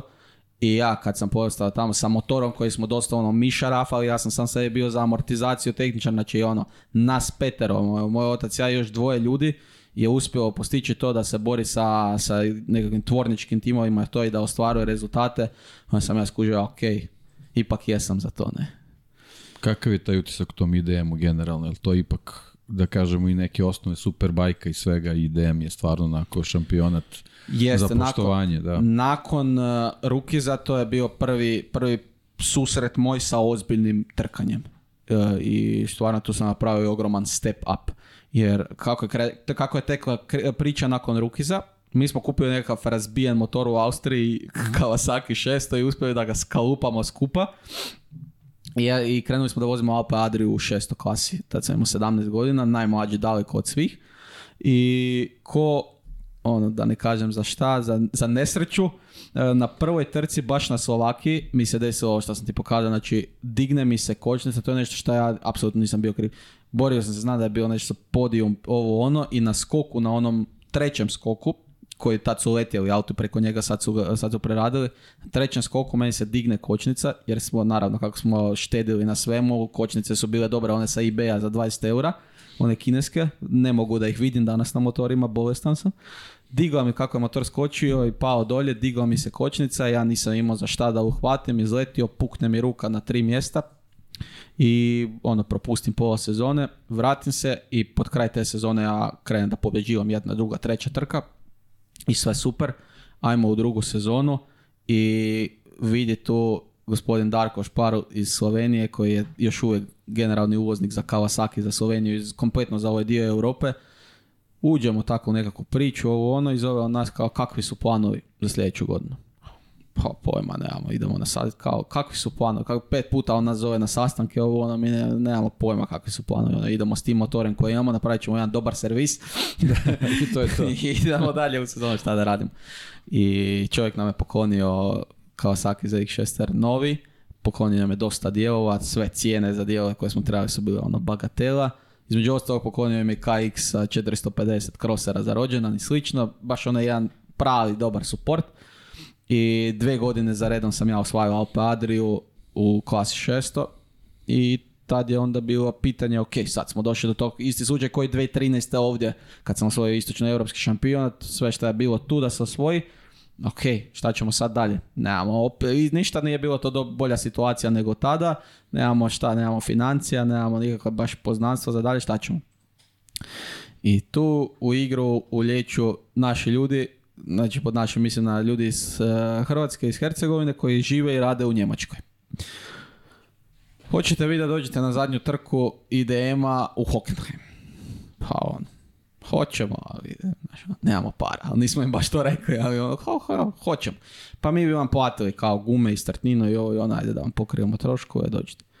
I e, ništa, došli mi sa kombijem našem tamo, parkirali se u šator, i odradili to i ja završio, ne znam, nešto deseti i to sam ja bio bijesan, ono, kao kakvi deseti, ja sam navikao dvije godine za redom na Alpadri da pobjeđujem, kakvi deseti, ovo ono strašno, oni bili oduševljeni, svi, o, deseti si u Njemačkoj, znaš, wow, šta ćemo sljedeće godine, i stvarno ljudi su nam zaista pomogli, to je bilo četvero, ljudi koji su nam zaista pomogli i financijski, ne samo financijski nego generalno to u Njemačkoj daleko je i od Hrvatske od bilo čega, sve utrke su daleko, pa neki se pokvari negdje kombi što se nama često kvari jer je bio star i slično, e, pomogli su nam dosta i tako smo mi zakoračili taj svet Njemačke. zato ono, često me pitaju zašto si išao u Njemačku, nisi išao u Italiju, u Španiju, zato. Zato jer su nas pozvali ljudi, tamo nam je bilo bliže dijaspora naša cijela je tamo dosta jaka i, i, to je jedni razlog bio. Tamo smo naučili baš brdo, brdo toga. Od vožnje, od tehnike, od svega, znači baš sam se razvio i ja i, i cijela naša konstrukcija timska se razvila jako i došlo je do toga da mi i u IDM-u, mada ga nisam osvojio, još uvijek imam taj chip on the shoulder što bi rekli, nisam ga osvojio, dva puta sam bio vice vice ali eto, sreća, nesreća, nećemo sad o tome. Došlo je do trenutka, ok, sad već četiri godine vozimo IDM, šta ćemo dalje? Govorimo o tim ambicijama koje su uvijek veće. Ne? I uh, odradili 2021. ja mislim da je to bilo, odradili mi dvije wildcard trke u svjetskom supersport šampionatu, u Herezu i u Mostu. Ja čak u Mostu sam završio, ja mislim, 17. i u drugoj trci ja se borim za top 10. Jako ja, naravno, neću ja da pustim, mogu sam komotno da budem 11. Mislim da je tako bio 11. Mogu sam komotno da budem 11. Pustim gas, iza mene nije bilo nikoga 5 sekundi. Ali ne, hoću ja da se trkam sa, sa, za deseto mjesto, sa, ko je tad bio? Mađar sa Evan Bros mašinom, znači on najbolji motor na Supersport gridu, hoću ja da se trkam s njim ovo ono i zakačemo se pred zadnji krug, ako je njegov motor bio malo brži, ja sam morao da riskiram malo više, zakačemo se zadnji krug i padnem ali nebitno je sad, to je čisto ono side note i vidimo, ok, ajde, ovo, mogli bi ovdje, nisam, nisam da, zadnji, znači, da, mogli, bi da budemo konkurentni, pitamo u Dornu šta je potrebno da mi kao svoj tim, pošto ne znam koliko slušatelji znaju, vjerojatno znaju, a znate i vi, svaki tim je biznis. I svaki tim od svog vozača želi novce. Mora da funkcionira to na nekakvom tako. A naravno, ako ideš kao privatnik, ono, puno je to komotnije, sam si svoj gazda, ovo, ono i tako dalje idemo mi kao privatni tim da počnemo da probamo taj europski kao šampionat. Vozi se u skopu super sporta, možeš da pokažeš talenat, možeš da se voziš drugim ljudima, ali ne moraš da ideš u Mandaliku, u Indoneziju, da, možeš da ideš u možeš na te evropske trke da voziš. I pitamo mi u Dornu, sve ispunimo te prijave, izvještaje, antidoping, bla, bla, bla, sve što treba, izvadimo licencu. To je bilo prošle godine, znači 2022.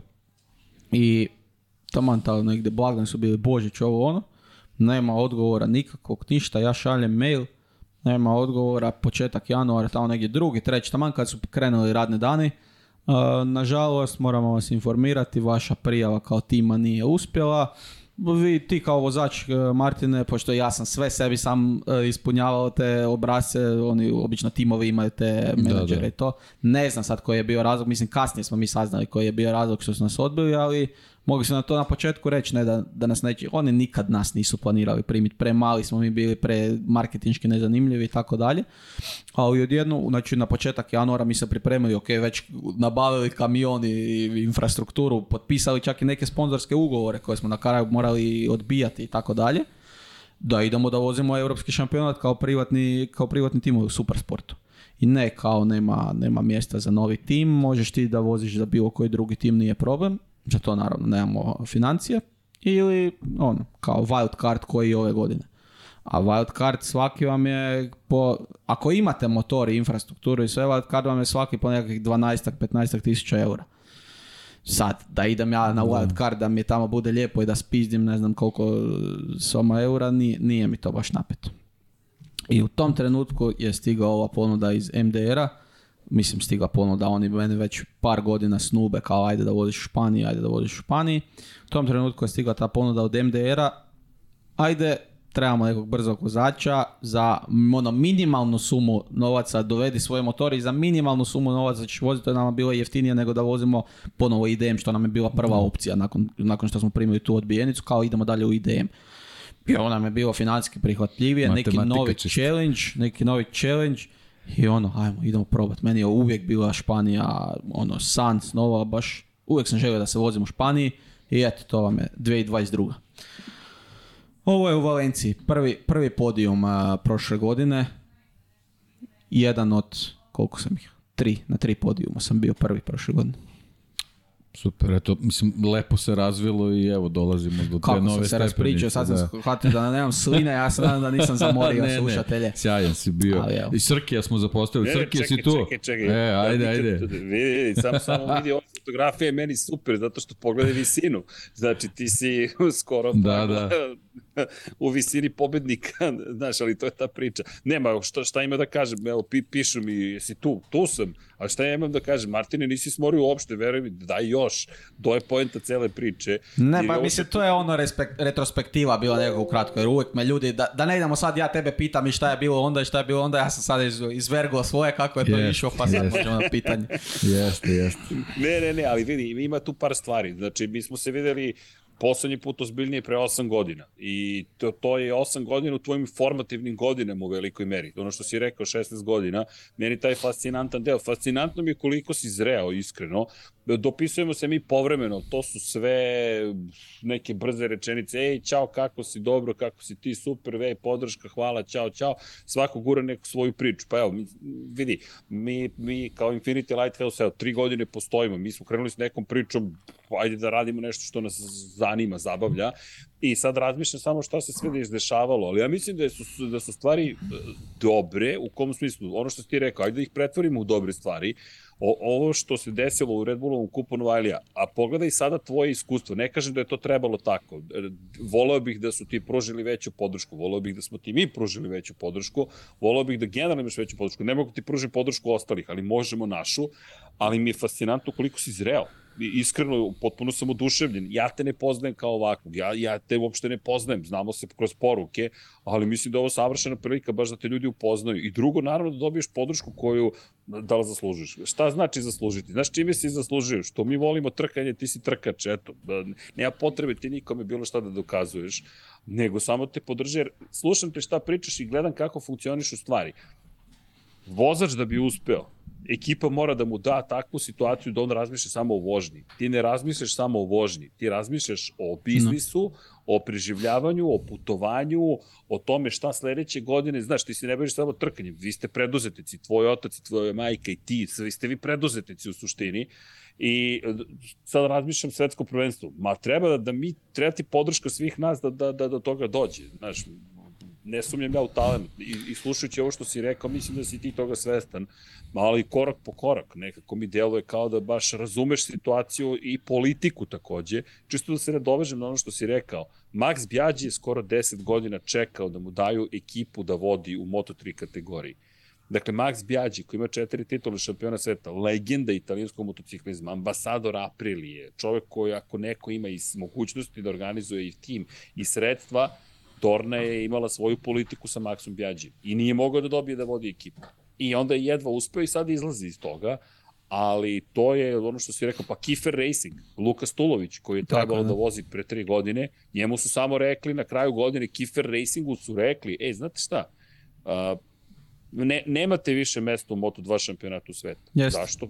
nemate ga treba nam zapravo, bilo im je potrebno slobodno mesto, Kifir je bio politički najslabiji, najmanje para imao, najmanji uticaj i samo su im rekli, čao. Tako, i, sad je Kifer e, aktivan tim u, u IDM e, Superbike i ono, relativno je dobro ide. Tako da, to je sve što se kaže cut throating uh, biznis. Jeste. Jeste, neka stvarno bude surovo, ovaj, nekako ispadne kad, kad osjetiš neke stvari na svojoj koži, ostaneš na nogama, nekako preživiš, u stvari imaš samo posle ogromno iskustvo kad kreneš iz početka, da, kao što si rekao, da si ove neke stvari imao ranije, sigurno bi bilo drugačije. Ali izgleda pa da, da, na, nekog, na nekome mora to da se slomi, to je, nažalost, tako u tom biznisu po meni ja svako mora da nađe neku svoju svrhu, svrhu u životu, a sada ne idemo previše u filozofske sfere. Eh, to što je meni bilo najgore nakon Rukiza i čak kasnije, friške, prije nekakvih godinu dana, dvije, sam ja bio u strašnoj depresiji jer šta dalje? Ok, baš, baš tad kad su nas odbili iz Supersporta. Šta dalje? Znači ono, ja, nema šanse, neću niti Superbike da vozim, a kamo i kakav MotoGP od toga samo ono, kao, da recimo nisam ja odustao od toga, jer kad, kad no, ono, ja kažem nisam odustao, zato kad kažem odustanem, onda je to to. A ovak sad, znaš, ono, možda se nešto desi, ne vjerujem da će se desiti, ali možda se nešto desi. Ali ono, pa neću ni Superbike, ono šta ću cijeli život provesti u idm nikad, ono kao, toliki da, potencijal, nikad ništa od njega, ne. Ali, pff, zapravo malo sam promijenio taj mind i u situaciji u kojoj jesi, E, tražim nekako zadovoljstvo u različitim e, stvarima, u drugim ciljevima. Uvijek imam cilj da budem najbolji u tome šta radim, samo treba vidjeti šta je to. Meni je uvijek bilo, ne, ne zanima me apsolutno ništa drugo, ja moram da budem MotoGP prvak. To mi je uvijek bilo tako. Od kad sam vozio ovdje po Batenici dok kad sam bio u Rukizima da poslije Alpe Adrije moram MotoGP, ne da, ne da vozim, moram ja biti MotoGP prvak. to je nešto što je jako malo ljudi u historiji uopće ostvarilo. I to su nekakve nerealni ciljevi koje ako ne ostvariš, a većina ljudi ih ne ostvari, pukneš psihički. I onda sam ja sad nekako sebi našao mini ciljeve ili druge različite ciljeve ili više ciljeva od kojih samo jedan ako ostvarim bit će top. Ja sada iz ove situacije i svega što smo prošli, meni bi zaista bilo žao da čak i ako ja ne uspijem u tom e, e, sportskom pogledu, meni je bilo žao da ja to znanje nekome ne, prenesem i da nekome drugome ne pomognu da, da uspije. Naravno, mora tu biti, uvijek ima tu interes, ja moram nešto imati od toga. Ali zašto ja ne bi jednog dana bio kod Sofogu da, da neki moj toprak nešto radi, da on, iz bravo, tog načina ja us, da iz tog načina ja uspijem. Normalno sada trenutno meni je cilj da osvojim Moto2 europski šampionat i da idemo Moto2. to, to je sad prioritet drugo. i rokamo. Ali uvijek negdje tako u pozadini imam. naučio sam se da moraš imati neki safety net da padneš, jer ako nemaš safety net i držiš se za, za stijenu, pad je jako bolan. Ako imaš nešto drugo na što ćeš se vratiti... Ali imaš ovaj te neke spider mogućnosti nešto. Slabo ti to. A? Slabo ti to u tom nekakvom metafizičkom, emocionalnom smetu, slabo ti pa, mreži. Ali imaš negdje, mislim, za svaki slučaj sa to. Pa vidi, fiziološki, ne znam da li si upoznat, ali pauk iz stražnjice ispaljuje mrežu. A, vidiš. Pa dobro, ja, ja, ovo, ja tvoj nadimak vezujem za neke ove heroje druge, pa tako rekao možda. Čekaj, možda, možda, da kažeš možda da je Spider-Man pogrešno da. opisan zapravo, da su potpuno promašili u stripu kako prikazuju da, njegovu Da, iz krivog mjesta on ispaljuje te svoje mreže. Onda mislim ništa. Da bi, mislim da bi bilo Onda ono, Uh, rate uh, 18 da da. iz stražnjice. Da, da, da, čudan put je otišao ovaj razgovor odgovor, ali sve je okej, okay, to je to. Ne, pa mora, vidi, morali smo da proverimo. Moramo da. široku publiku da privučemo. Tako je, tako je.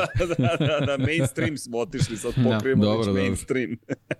ne, ne, ali, ali vidi, ej, vidi, opet koristiš neke stvari koje znaš kako, vrednosti o kojima ti pričaš, to što ti pričaš je ozbiljan razvoj. Dakle, ti si dalje mlad momak i fascinantno mi je iskreno. Jel čitaš, jel se uspeš da čitaš, jer to što pričaš i priča i o metafizičkom nivou i o načinu razmišljanja, to su ozbiljne stvari. To nije, ne pričamo o babarogama, pričamo o tome kako psihološki pristupiti stvari. Meri, jedna od stvari koja mi je pala na pamet kada si pričao o tome šta si sve prošao, mi je, kunim ti se ovde dok sedim, razmišljam koliko bi bilo dobro da to tvoje iskustvo ne mora da prolazi još neko. I mislim da je to veliki problem naših prostora generalno, što stalno svi krećemo od nule. Znaš, Tako neko napravi prvi sprat, onda ili taj prvi sprat propadne vremenom, entropija uradi svoje, ili neko dođe i kaže ono, e, čekaj, jeste trava zelenije kod komšija, ali što bi bilo dobro da mu pride crkne krava. Znaš, ajmo da ne crkne, pa da, ali ajmo da ne crkne krava. Ajmo da kažemo, čekaj, Martin je napravio prvi sprat nadam se da će doći do drugog, trećeg, četvrtog, ali ajde kada završiš tu vrstu karijere ili tokom te karijere ukoliko imaš tu sposobnost da čak i paralelne stvari radiš, neki novi klinci, klinke dobiju mogućnost i kažu aha, kada odeš na Red Bullov kup Novajlije, dođi kod Martina da ti ispriča kako da pristupiš tome. Jer, pazi, ko je sve mentor Peku Banjaj? Casey Stoner, Valentino Rossi, ja bih volio da sam sa ovih prostora imam telefon Martina Vugrineca i da ga pozovem i kažem Martine, šta si sve ti to prošao?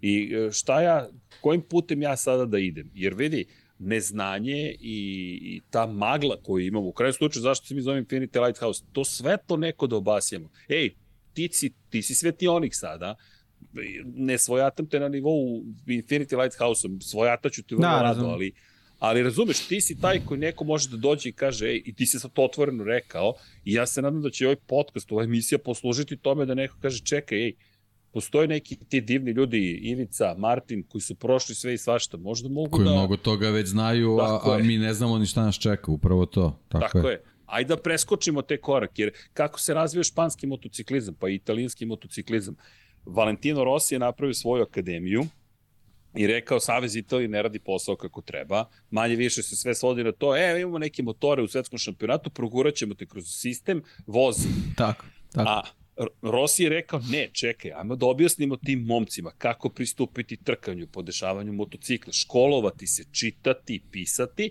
Španci šta su uradili? Pričaš o stazama. Španci 80-ih početkom nisu imali staze, isto, isto je bilo stanje. Ali, evo, 40 ih malo više godina kasnije, u Španiji su vrlo ozbiljne staze, lobi je španski, Dorna je španska. Znaš, znači, moguće je promeniti stvari, ali za to mislim da smo svi zajedno potrebni. Izveni, sad ovo je ovo je na nivou misije i vizije onoga što mi radimo. I mnogo mi se dopada kako razmišljaš, jer to daje mogućnost da zapravo, evo vidim na četu priču o tome koji jezik pričaš. Mogu ja nešto kažem, kogod da pita se koji jezik? Naš jezik. Znate koji je to jezik? Nemam pojma, neću da ga imenujem, neću da otvaram političke stvari, jer se razumemo, ja te razumem Martine, mnogo Upravo te volim mnogo podržam to što radiš i gde god ja inače da, da odgovorim čovjeku, ja inače pričam četiri različita jezika, pa onda koji, koji treba? Da, pa ne, da, znam, nego komentari na nivou Sve govoriš To je besmislica i nemojte, molim vas, da trujete ovaj kanal time. Ako da. nemate pametnih posla, ej, na YouTube-u ima toliko smeće, možete ga potražiti. Ajmo mi da budemo ona pozitiva i da ne pričamo gluposti, jer to su iskreno gluposti, nego da pričamo o tome šta je Martin postigao. Pred sobom imate momka koji se zajedno sa svojom porodicom bori deceniju i kusur od onih gaća, da izviniš na izrazu, u, u vršcu i moto cikla do toga da si sada neko ko se bori u šampionatu Evrope Moto2, meni je to inspirativno. Inspirativna priča, ja bih o tome da pričam. Ali neću da se ne osvrnemo na te stvari. I molim se, daj da batalimo te gluposti. Pitajte Martina pitanja, šta imate da pitate momka koji... koji bo... Ajde, ja ti držim palče, evo. Gledam Lukas Tulovića, opa, mikrofon sam udario, izvinite. Dakle, Lukas koji je momak koji se rodio u Nemačkoj, srpskog je porekla. I veza sa Srbijom mu je povremena bila. I iz nekog razloga on sad svojih 19, 20, 21 godinu traži neke svoje korene. I on čovjek sada sve češće i na sport klubu. E da, inače, neko je pitao gde ćete moći da gledate trke. Trke možete da gledate na sport klubu, mi ćemo ih prenositi cele godine, kao što smo i prethodnih godina prenosili, tako da Martina ćete moći da pratite na sport klubu. Svaki vikend trkački, junior GP-a, kako su ga sada rebrendirali, ćete moći da pratite Motor 3 trke, Moto 2 trke i imat ćete mogućnost eto, da pratite dakle, na sport klubu. Zatim, ja sam prilično siguran na YouTube kanalu može da se prati yes. uh, e, da, takođe, dakle, ko nema sport klub može na Fimovom kanalu ili baš celu. ima, ima Fim bio... Junior GP kanal i ima live stream svake utrke. Tako. E, to je to. Tako da ćete moći da pratite i tu, ali pratite naravno šta radi Martin na svojim društvenim mrežama. Martin i ja smo se dopisivali, imamo mi neke svoje planove za ovu godinu. Ja želim da imamo izveštaj posle svake trke i iz tvojih usta ukoliko budeš imao vremena za nas, baš da bismo o tome pričali, da ljudi sve češće čuju tvoje ime, tvoje prezime, da znaju gde si, šta si, šta se dogodilo i da širimo dalje priču i, i da na taj način dođe još jedan moment, to, to je sponzorstvo, koje onda kaže, ej čekaj Martine, možda ni ne moraš da radiš baš toliko nekih drugih stvari, mada, mada, slušaj ovo, da iskoristim priliku za neka pitanja, ako, ne, ako mi ne zameraš. Dakle, a to je, slušaj ovo, Branislav 87, kaže, kako ti se svidao prvi kurs u Beogradu koji si odradio u subotu, bio sam na kursu, oduševio sam se. Tako da imaš, eto, ono što si rekao, nisu ljudi otišli, ostali su malo duže. Evo, drago mi je. Uh, svidjelo mi se jako i zahvaljujem se gospodinu Vladi i Jaci iz Motorlanda što su me pozvali. Uh, zapravo bacili su me jako u vatru, znači ja nisam znao da li ću ja, da ja držati tamo govor od 10 minuta i pričati o tome kako sam vozio u Srbiji utrke ili ću raditi seminar na temu motociklizma ili šta god, ja, ja pojma nisam imao o čemu ću raditi. Uzeo sam čisto e, sigurnost radi, uzeo sam svoje seminare na, na PowerPoint prezentaciji tamo, ajde rek'o, pustit ću možda koji slajd. Da bi ispao od toga da sam ja dva sata skoro e, tamo davao predavanje o, tehničkom aspektu motociklizma i nešto o vožnji na stazi kažem. I ljudi su me gledali, postavljali pitanja, odlično je bilo, znači odlična je bila atmosfera, uspio sam izvući nešto najbolje od toga i volio bi da to ponovimo ponovno super, vidi, i kako budeš ponovo to pravio, ono što mi možemo da uradimo, ti ja smo se dopisivali i, i, i časkali na različite teme i da. vidio si i nas i mi smo prošli svašta kao Infinity Lighthouse i generalno kao novinari, ali evo javno ti kažem, dakle šta god da budeš radio ćeš našu podršku, moju svakako, ali ja verujem, neću da pričam u i vime, mada mi delimo iste vrednosti, tako, da šta god budemo mogli da uradimo da popularizujemo, promovišemo stvari i to nije biznis, to je zato što te volim, ništa drugo, dakle mi ćemo da podržimo, proširimo priču koliko možemo i molim i publiku da to uradi. I, i javilo se, javili se ljudi, Nikola Ćurić inače pitao gdje mogu da se gledaju prenosi trka, to smo odgovorili. Karlo pita, kaže kolika je razlika u motorima običnog tvog starog i Moto2 motocikla. Da li možeš uopšte sada da daš tu vrstu informacije? Ne mogu, ne mogu. To ću moći da kažem nakon prvog testa ali koliko, ja sam već sjedio na nekoliko moto, dva motocikla, malo je konstitucijski drugačije. Svi ti prototipni motori su konstitucijski dosta drugačije riješeni, znači nema nekakvih, uopće se ne brine o dizajnu, sve, sve je stvar performansi.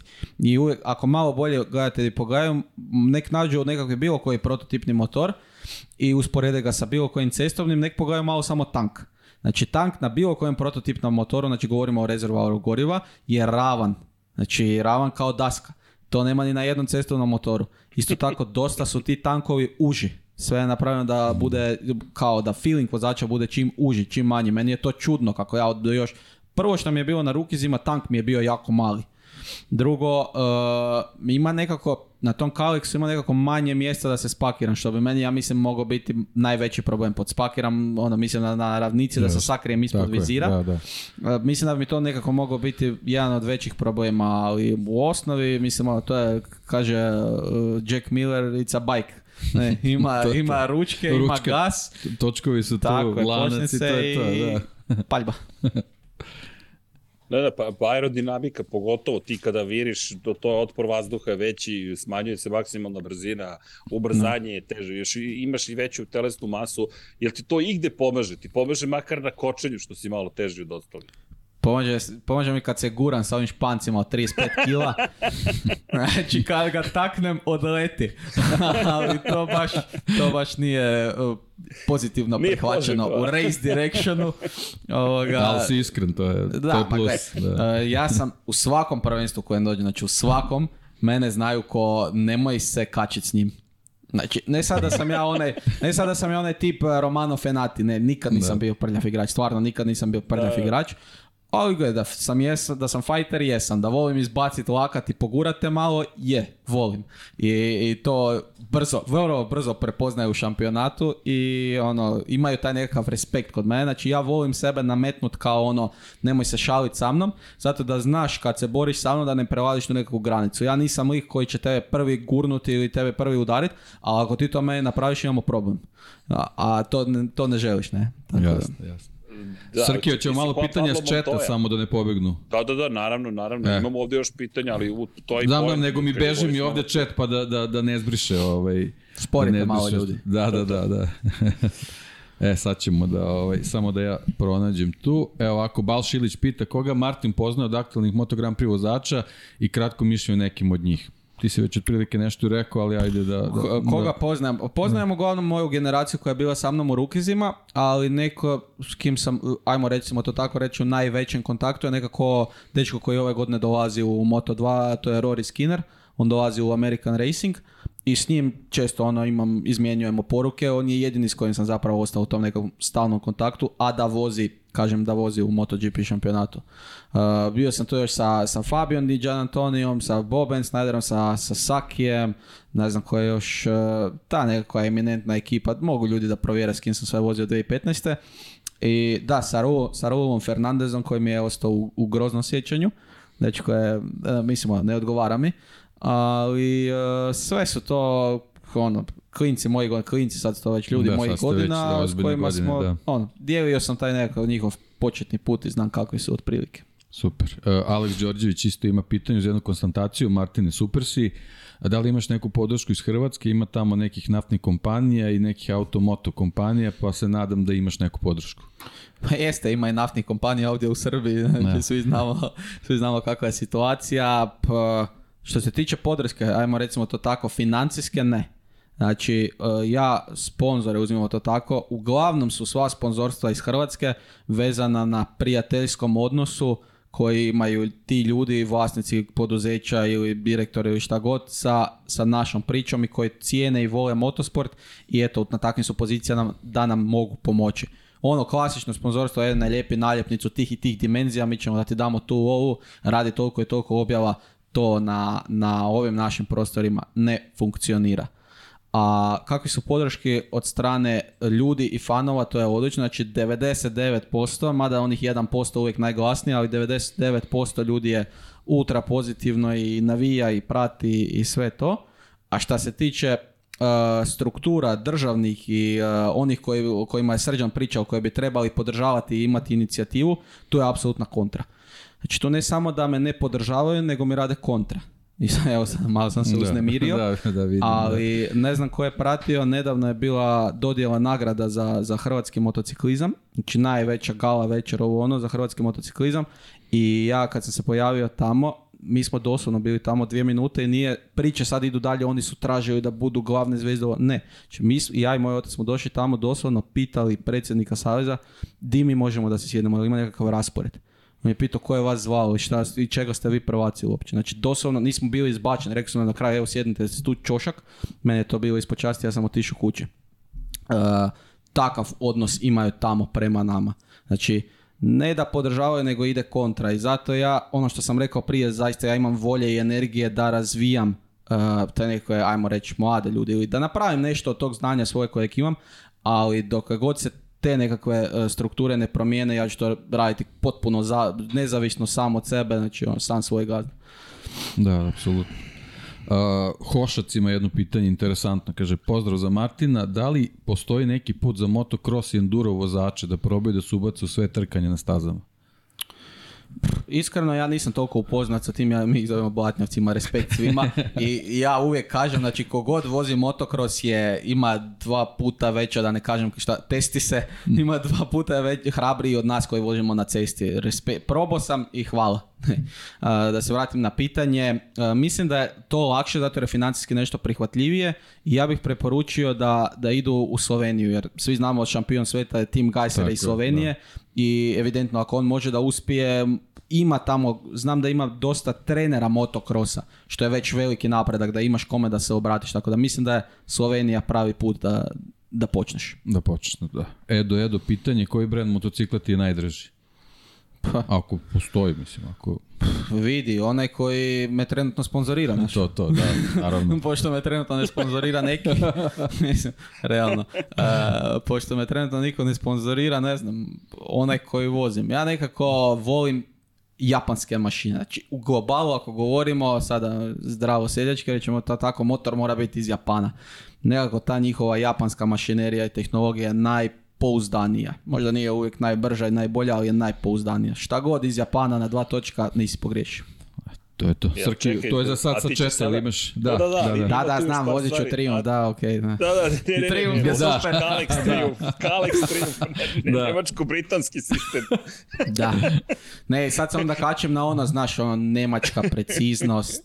to, to, to, to, I, e, ali vidi, Kalex pravi zadnju viljušku za Hondu, tako da, znaš, ipak tu postoji neka... To je, da, neki pelcer postoji, da. To, to, ne, ne, definitivno, mislim, ja od prilike znam eh, priča kako je krenula jer ja sam sad trenutno sam involviran u još jedan projekt koji je u sličnoj industriji oko proizvodnje motodijelova i tako dalje, možda kasnije to spomenemo, ali ja otprilike znam kako je krenula ta priča oko Kalixa. Znači to su e, dva dečka, mislim da Kali i Alex, koji su se e, složili i rekli šefu u svojoj CNC kompanije, ej, mi imamo ideju, ali nemamo para, znači onda možeš dati svoje mašine i to mi bi isprojektirali nešto i da je, da je to tako krenulo, znači doslovno iz garaže i ljudi vladaju trenutno Moto2 klasom, a evidentno da i HRC je prepoznao potencijalne da, da, pa ne, Kalex, oni su baš, baš su ozbiljno sistem napravili i iskoristili sjajno Moto2. Jedini problem je što niko drugi nije parirao, jer Moto2 je trebalo da bude upravo platforma da, kao što su Japanci upali, dakle, kada pogledaš, imali smo nekoliko, ne samo Japanci, imao si i, i, i Morivaki je bio prisutan, imali smo Kalex, i, to je Kalex još uvijek Suter je pravio švajcarski, ko je još bio? Bili su iz Britanije, bio još jedan proizvođač, dakle, bilo je tu, FTR je proizvodio, da, FTR je pravio motore, ali Kalex je toliko sve od, odveo na više nivo da nisu uspjeli. E da, ima još par stvari, Aleksa Đorđević je, e, mada pitao je Alex 29 baš za tu dodelu za najbolje vozače e, u Hrvatskoj, to si e, odgovorio. Pa, objasnim sam Da, pa da. E, da pita Aleksa, ovo je zanimljivo, Đorđević, koliko treniraš? I da li su to pripreme kao što, na primjer, vidimo da imaju vozači u momci u F1 i MotoGP-u? pod trening pretpostavljam da se van motora, znači nekakve filtre. Dakle, Da, da, da. Uh, prilike imam šest do, do 7 treninga nedeljno. E, neka čak ide kad je intenzivno do 10 do 12, to su uglavnom e, trenzi od po sat vremena i gledam da je, kako sam rekao prije, da sam čim niži sa kilažom, gledam da su uvijek neki high intensity e, vježbe, a uglavnom se ja fokusiram na kardio. Znači trčanje, bajs, uh, vijača je jako dobro, ono kad vidite Fabija ima to smisla, znači vijača je super za fokus, za koordinaciju i za kardio i generalno ugobavam, znači crossfit, sve nekako tako da, da surce udara i lupa i to, e, takav, takav tip treninga. Na 190 yes. Mada sad kako, kako sam eto imao razno raznih e, zavrzlama sa ozljedama i sve, e, jako mi je teško, znači sve, svaki put mi se desi neka mikro ozljeda, sad nedavno sam istegnuo tetivu, nema menisku se ni u jednom koljenu, tako da sve teže i teže mi je određivati taj vid treninga. Ali ali moraš. Jeste. Da, to je bosu lopta i te stvari. Znaš koga možeš da, da baciš da, pogled? ekipa iz NFL-a, oni imaju te povrede, pogotovo mekog tkiva, ako ti to nešto znači. I znam koliko oni imaju često te, te vrste povrede i kakvi su im treninzi da bi baš mogli da i dalje imaju očigledno vrlo intenzivnu kari, to je karijeru u intenzivnom sportu, pa eto, možda može nešto ti pomogne. Da, Čisto pa ovako, pa sa strane. Da Inače, ima još tu pitanja, kaže Karlo, kaže koliko konja imaju motori u Moto2 otprilike, da li znaš? Čekaj, to sam za... To Oko 150-ak. Tako je, tako nešto, Da, oni imaju nešto više nego Honda što imaju, ali obrtni moment, ja mislim da je razlika pre svega između... Znači ovako, moja Yamaha Super Sport s kojom sam se natjecao na, na wildcardu na Super Sportu je imala blizu 140, znači imala nekakvih 135-6, Moto dvojke znam da su sa full HRC kitovima imale oko 140, možda koji konj više, a Triumfi sad mislim da ima između 150 160. Da, i, pitanje koje mislim da je zanimljivo, Okvalc pita, da li ima ikakve šanse da budeš u Superbajku? Pretpostavljam svetski šampionat u Superbajku. Da, pa ajde to da da, za British takođe, da te pitamo. Pa vidi nemam nikakvih planova sad trenutno, nemam planova, znači, od, ove sezone zapravo visi dosta stvari u kojem smjeru ću ja ići. E, ako bude sve super i dobro i dobijemo uh, dobru ponudu za sljedeću sezonu za ponovo za Moto2, onda ćemo odraditi to. E, ako pak mi ne bude odgovarao taj motor ili nešto ne bude odgovaralo, onda ćemo biti na nekakvoj prekretnici, ključnoj prekretnici, di će morati da vidimo di ćemo dalje. Da li u španski Superbike ili ponovo u IDM, uh, ja osobno, ovisi naravno u tom trenutku od financija i od ponuda, sve je to u zraku. Ali ja osobno bi preferirao ne vraćati se natrag na šesto. Jer mo, eventualno ako izađe nekakva opcija sa, sa budućnošću za World Supersport, ajde. Ali fizički sam prevelik za šesto uh, i taj šesto svijet je prezatvoren i nekako ne zna se trenutno konkretno za tu middle klasu uh, što se super sporta tiče, ne zna se šta se želi, uh, Yamaha više se ne proizvode, niti jedan drugi proizvođač ne radi 600 kubika, nego su razno razne varijante. Tako da ja osobno bih volio, ako se ne nastavi priča sa Moto2, uh, negdje u Superbike-u 1000. Vidjet ćemo, možda IDM, možda Španski, možda EVC, znači World Endurance, mada nisam fan endurance trka, stvarno... Ne, da, to nismo, nismo ovaj, spominjali, ovaj, jel tu ima... Pa, eh, eh, trener Deni Ribalta je trener u Rukizima i on meni, eh, kad me tješio nakon mojeg u Aragonu mi je rekao, vidi ja isto sam u tvojoj situaciji bio, znači nisam nikad imao priliku da odskočim, a mogo sam, imao sam i ne znam da li ste gledali kad na YouTube-u onaj uh, Supermoto Impossible di lik sa crnim Supermotom, ono glavom struže po podu i odskačemo prednji kraj sa David Čekom se vozio, stari, stari, prastari video, to je Denner Balta. Znači stvarno čovjek koji je jako talentiran, on mi je rekao ja sam svoje pare zaradio u, u Znači, koliko sam čuo, za dobre vozače ima mjesta u Endurance, jer svaka, svaka ekipa ima tri vozača glavna i još jednog rezervna, znači to je puno veći pool i mogućnost da uđeš mene to iskreno ne zanima toliko, ali vidi, ako će neko da mi plate da vozim motore, odlično. Idem. što mi to poznato deki zvuči cela priča. Ima, ima još ali nekih hvala što si iskren pre svega, to je, da, jako i, I pogotovo u tim godinama. E, ali imam ja tri pitanja su mi se rodila. Jedno nije moje, a to je, vidi, izvini, koristimo prvi... Srki da, naravno, e, vidi. A, Miki Jelov 46. Da li misliš da bi ja, znam čovjeka na Instagramu me stalno smara sa nekakvim srcima, pozdrav za njega. A ne, ne, ne, Miki Jelov je legenda, mi ga obožavamo. da li misliš da bi te neko dobro sponzorstvo proguralo makar u Moto2, verovatno u svetsko prvenstvo? Da li bi ti pomoglo sponzorstvo? Jeste, definitivno, ali pitanje je količina i veličina sponzorstva. Mislim da već jedno vrijeme nije sporni, sporni moj talenat za nekako sjedište, jer bilo je tu objektivno sad govorimo, ja nisam eh, Ferminal de jer ja sad imam 23 eh, godine, sad ću 24 i neću i doći izdominirati prvenstvo kao što je to radio on. Znači nisam taj eh, talent vozač, nemam te sposobnosti. Ali bilo je puno gorih momaka koji su vozili u Moto2 i sad neću, neću da uspoređujem nekog, ali ja znam momke koji trenutno voze, a gori su od mene ili jednaki kao ja a evidentno da voze tamo, znači stvar nije vještine ili nečega. Sigurno da bi sponzor neki veliki i ozbiljni pomogao, ali sad pitanje kolika količina novaca je bilo potrebno. Jasno, da. Ili, il, tu i zavisi koji paket doneseš, šta ćeš moći da biraš u, toj, u tom, tim pa dvojkama. Pa nije, način, to baš mala način, razlika. Ne, jako veliku razliku da, pravi da li ti voziš za, ne znam, Mark VDS ili voziš za neku ekipu, sada ne spominjem koja je, iza. To je tako je.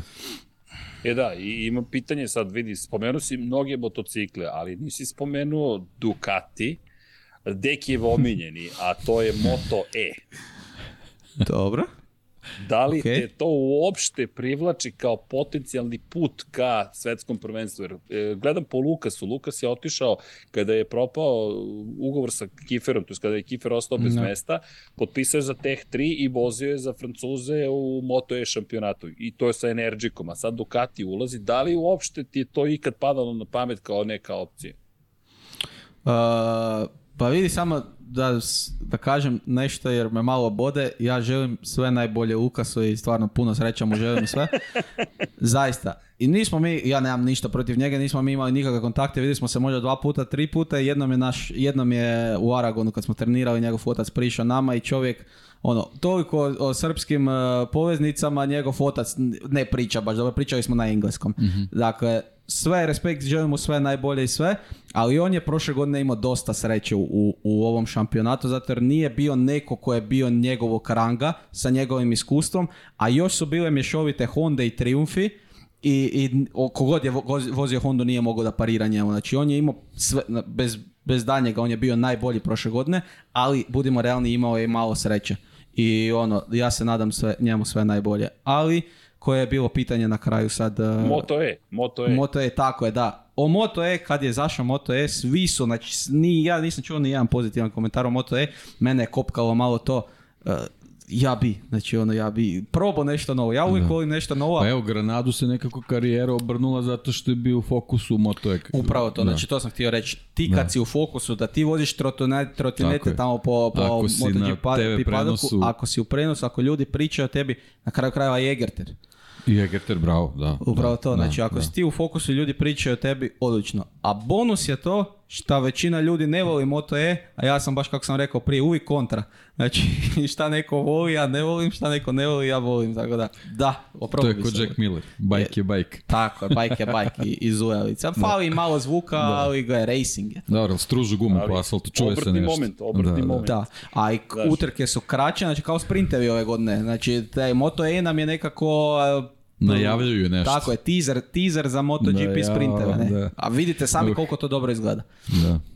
Da, inače ima, ima par stvari još, e, a to je apropo, pa evo kaže Aleksi Đorđević, mora se nekad imati sreće, pa ni Francesco Manja ne bi bio broj jedan ne, bez, bez A to ono što si ti rekao iz ovu godinu, ko bude imao najviše sreće, to je, to smo, da nevjerovatno mi prošle nedelje smo pričali o citatu zapravo Nelsona Pikea. Pike je rekao da bi bio šampion sveta Formula 1 moraš da imaš sreće. Kaže, to, to je najvažnija stvar, jer mora sve da se sklopi, taj čuveni paket o kojem si pričao baš u Formuli 1 još 80-ih gume, motor, ekipa, ti kao vozač, naravno da moraš da budeš dobar, tu nema sumnje. E, mislim da nije Svi su dobri tamo. Tako je, nema tu lošeg vozača, tu ne postoji. Ja sećam, neko je priča komentarisao, da ne imenujem koga, kao ja, pa vidi on, ne znam, 20. Ja kažem, on je sekund sporiji od svetskog tako šampiona. On je sekund sporiji od Marka Markeza, rekao, da li si ti svestan, ti ne bi bio 25 sekundi sporiji od tih ljudi. I to samo izgleda lako jer su najbolji na svetu. Tako je. Sam, da, kogod da... misli da je neko loš, nek pogleda vremena. Znači, Tako nek pogleda koliko su to vremena male Vremena su jedini reper. To, to. Samo, samo vremena. Tako je. Da, inače, Absolut. da se zahvalim Bakteriju Abdurmanovu, čovjek je donirao 5 evra još na početku, poželeo ima pozdrav, poslao i meni brzo ozdravljenje. Radimo na tome, Bakteriju, antibiotici su na, na, da, na, na sve strane. Bravo. Evo, Edo, Edo Ali, mu se priključio također s 5 evra, edu, hvala puno. Da. evra. Hvala. Da, hvala, i momci. kaže, da li nemamo mlaka sa naših prostora u Moto Grand Prix Superbike-u zbog nedostatka sponzora ili su prvenstveno Španci i Italijani stvarno talentirani od nas? Nisu talentirani. Možemo svi zajedno odgovorimo, da. Ne, nisu da, talentirani, ali ne radi sponzora. Znači, ovdje kod nas nema kvalitetnih vozača. To je evidentno. Zašto je to tako? Nisu krivi vozači, ali nema ih. To je, to je pa nemaš staze, nemaš saveze koji to organizuju na način na koji se organizuju trenutno na svetskim standardima. Jednostavno nemaš gde, evo to je odgovor Aleksandar tako, Tasić. Pa nemaš bazu, da, kako, kako da imaš bazu? Nemaš. Jednostavno nemaš, nemaš, uslove da bi imao. Kako ti sada deta ne, nema ne 10 godina da vozi i da kažeš bit će to sve na, svetskom standardu bezbednosti, aj e, krenemo odatle. Mislim, mi nemamo adekvatne, mi nemamo adekvatne staze, jednostavno to ne postoji kod nas. Ne. Evo grobnik, ja ga, evo, e, čekaj, imamo pitanje. E, Mario Vidović, jeste. Mario Vidović kaže, pošto ćete se trkati, idete se utrkivati na grobnik, možda Martin ima neke savjete za vas. Ne znam da li znaš, Martine, vozimo, ja pitam. Znam, znam ću, razgovarali smo prije emisije. E, i šta, šta ti kažeš, šta, je najvažnije da budemo brzi? Pa vidi, na grobniku nisam vozio nikad s altima, ali vjerujem da je ključno, isto kao i na motoru, ključni je prolaz kroz, ne znam da znači što je rupa. Kako ne bi znali, e, već mjesec samo rupa, rupa, rupa, E, znači dam jedan tip. Znaš di počinje rupa? U laktu. Znači, znaš koji je e, lakat, znam, krivina desna. E, ako dobro izađeš iz lakta, sve do Zagrebačkog tamo do kraja ravnice dobivaš. Tako je. Ali ako zezneš izlaz iz lakta, odnosno ako odeš preširoko van, sljedeći lijevi odeš preširoko. I onda izlaz iz rupe koji je uzbrdo, još ako vozite sa slabijim altima koji nemaju snage, zaboravi priču na, na ravnici yes. ćete preskakati. Znači lakat studire, to je bitno. da, si čuo Čuo sam sve, ej vidi, učim, a muscle memory što bi rekao Toka. da. E, da, inače, mi ćemo za sve one koji su sada isto u, u podcastu, mi ćemo kasnije imati još jednu emisiju baš o garaži 76. Martine, koliko još imaš vremena? Izvini da te mi, zato što znam da ideš za Zagreb, to jest ideš, ne znam da ideš. za Hrvatsku, ali vidi, ja danas ovako i onako spavam negdje na pola puta, tako da možemo biti do pola noći, što se mene tiče. Ajmo da iskoristimo situaciju kad si već tu. Pazi, dugo smo te čekali. Veruj mi, toliko ljudi je pitalo za tebe i stalno ponavljam, želimo i mi da vidimo Martina, želimo da vidimo Martina Martina, ali i mi smo imali svašta dok smo se i mi organizovali. i mnogo ti hvala za vreme. Ali, evo, da, da, da nastavimo i sa pitanjima. ima dosta pitanja povodom sledeće sezone. Pitaju i za Senu Agiusa. Ti ćeš voziti protiv Sene Agiusa. Da. Sena će biti Agius e, u Husqvarninu, zapravo Intact Grand Prix timu, ali apropo tvojih rivala sledeće godine, od poznatijih, da tako kažem, jedan od poznatijih svakako mislim da je Nikolo Antonelli koji stiže iz šampionata sveta, on je vozio za VR46 tim ove godine u Moto dvojkama. Stiže Piotr Biskerski, to je poljski vozač koji je takođe vozio u Moto dvojkama. Sena Agius, koga smo upoznali takođe u šampionatu. Carlos Tataj, nekadašnji šampion Red Bullovog kupa Novailija stiže on će biti u Pertaminu, u, manda, u Stop and Go Racingu sa Mandalikom, dakle on je pomeren iz svetskog prvenstva u evropsko prvenstvo. Samo napominjem neko, e, Kardelus takođe, Savir Kardelus takođe stiže, on je za promo racing. klasi. Jeste, veteran u klasi i sad ima tu još imena, ali ajde ističemo ovo, nekolicinu ovih za koje svi pouzdano znamo da su pekli zanat u svetskom prvenstvu i to će biti rivali. Vas će biti 18 sledeće godine, koliko ja znam, u Moto2 šampionatu. Pa iskreno nisam toliko detaljno gledao tablicu da vidim, da vidim koliko će nas biti. Za ove dečke koje sam spomenuo sam znao, znao da dolaze i ono, da se nadovežem na sebe od prije, nemam ja strah od nikoga, ali uzmemo da sam svjestan sebe i gdje sam ja zapravo tu u poredku, to ćemo vidjeti tek nakon prve trke. smatram da će dečki koji dolaze sa Moto3 da će im biti nešto teže, da se naviknu na motor, ali opet s druge strane, oni dolaze iz nešto kompetitivnijeg eh, prvenstva, što uvijek nema veze o koje prvenstvo, na koji motor dolaziš. Kad si ti u jednoj vatri i dođeš u prvenstvo koje je pod navodnicima slabije ili ima manje igrača ili parametara, puno lakše se diše. Puno lakše se diše. To kao kad treniraš s onom maskom, nisi, tako da, kao kad treniraš s onom maskom za kisik pa onda skineš. Tako da to je taj efekt zašto svi uh, većina super sport uh, vozača, šampiona dolaze iz Moto 2.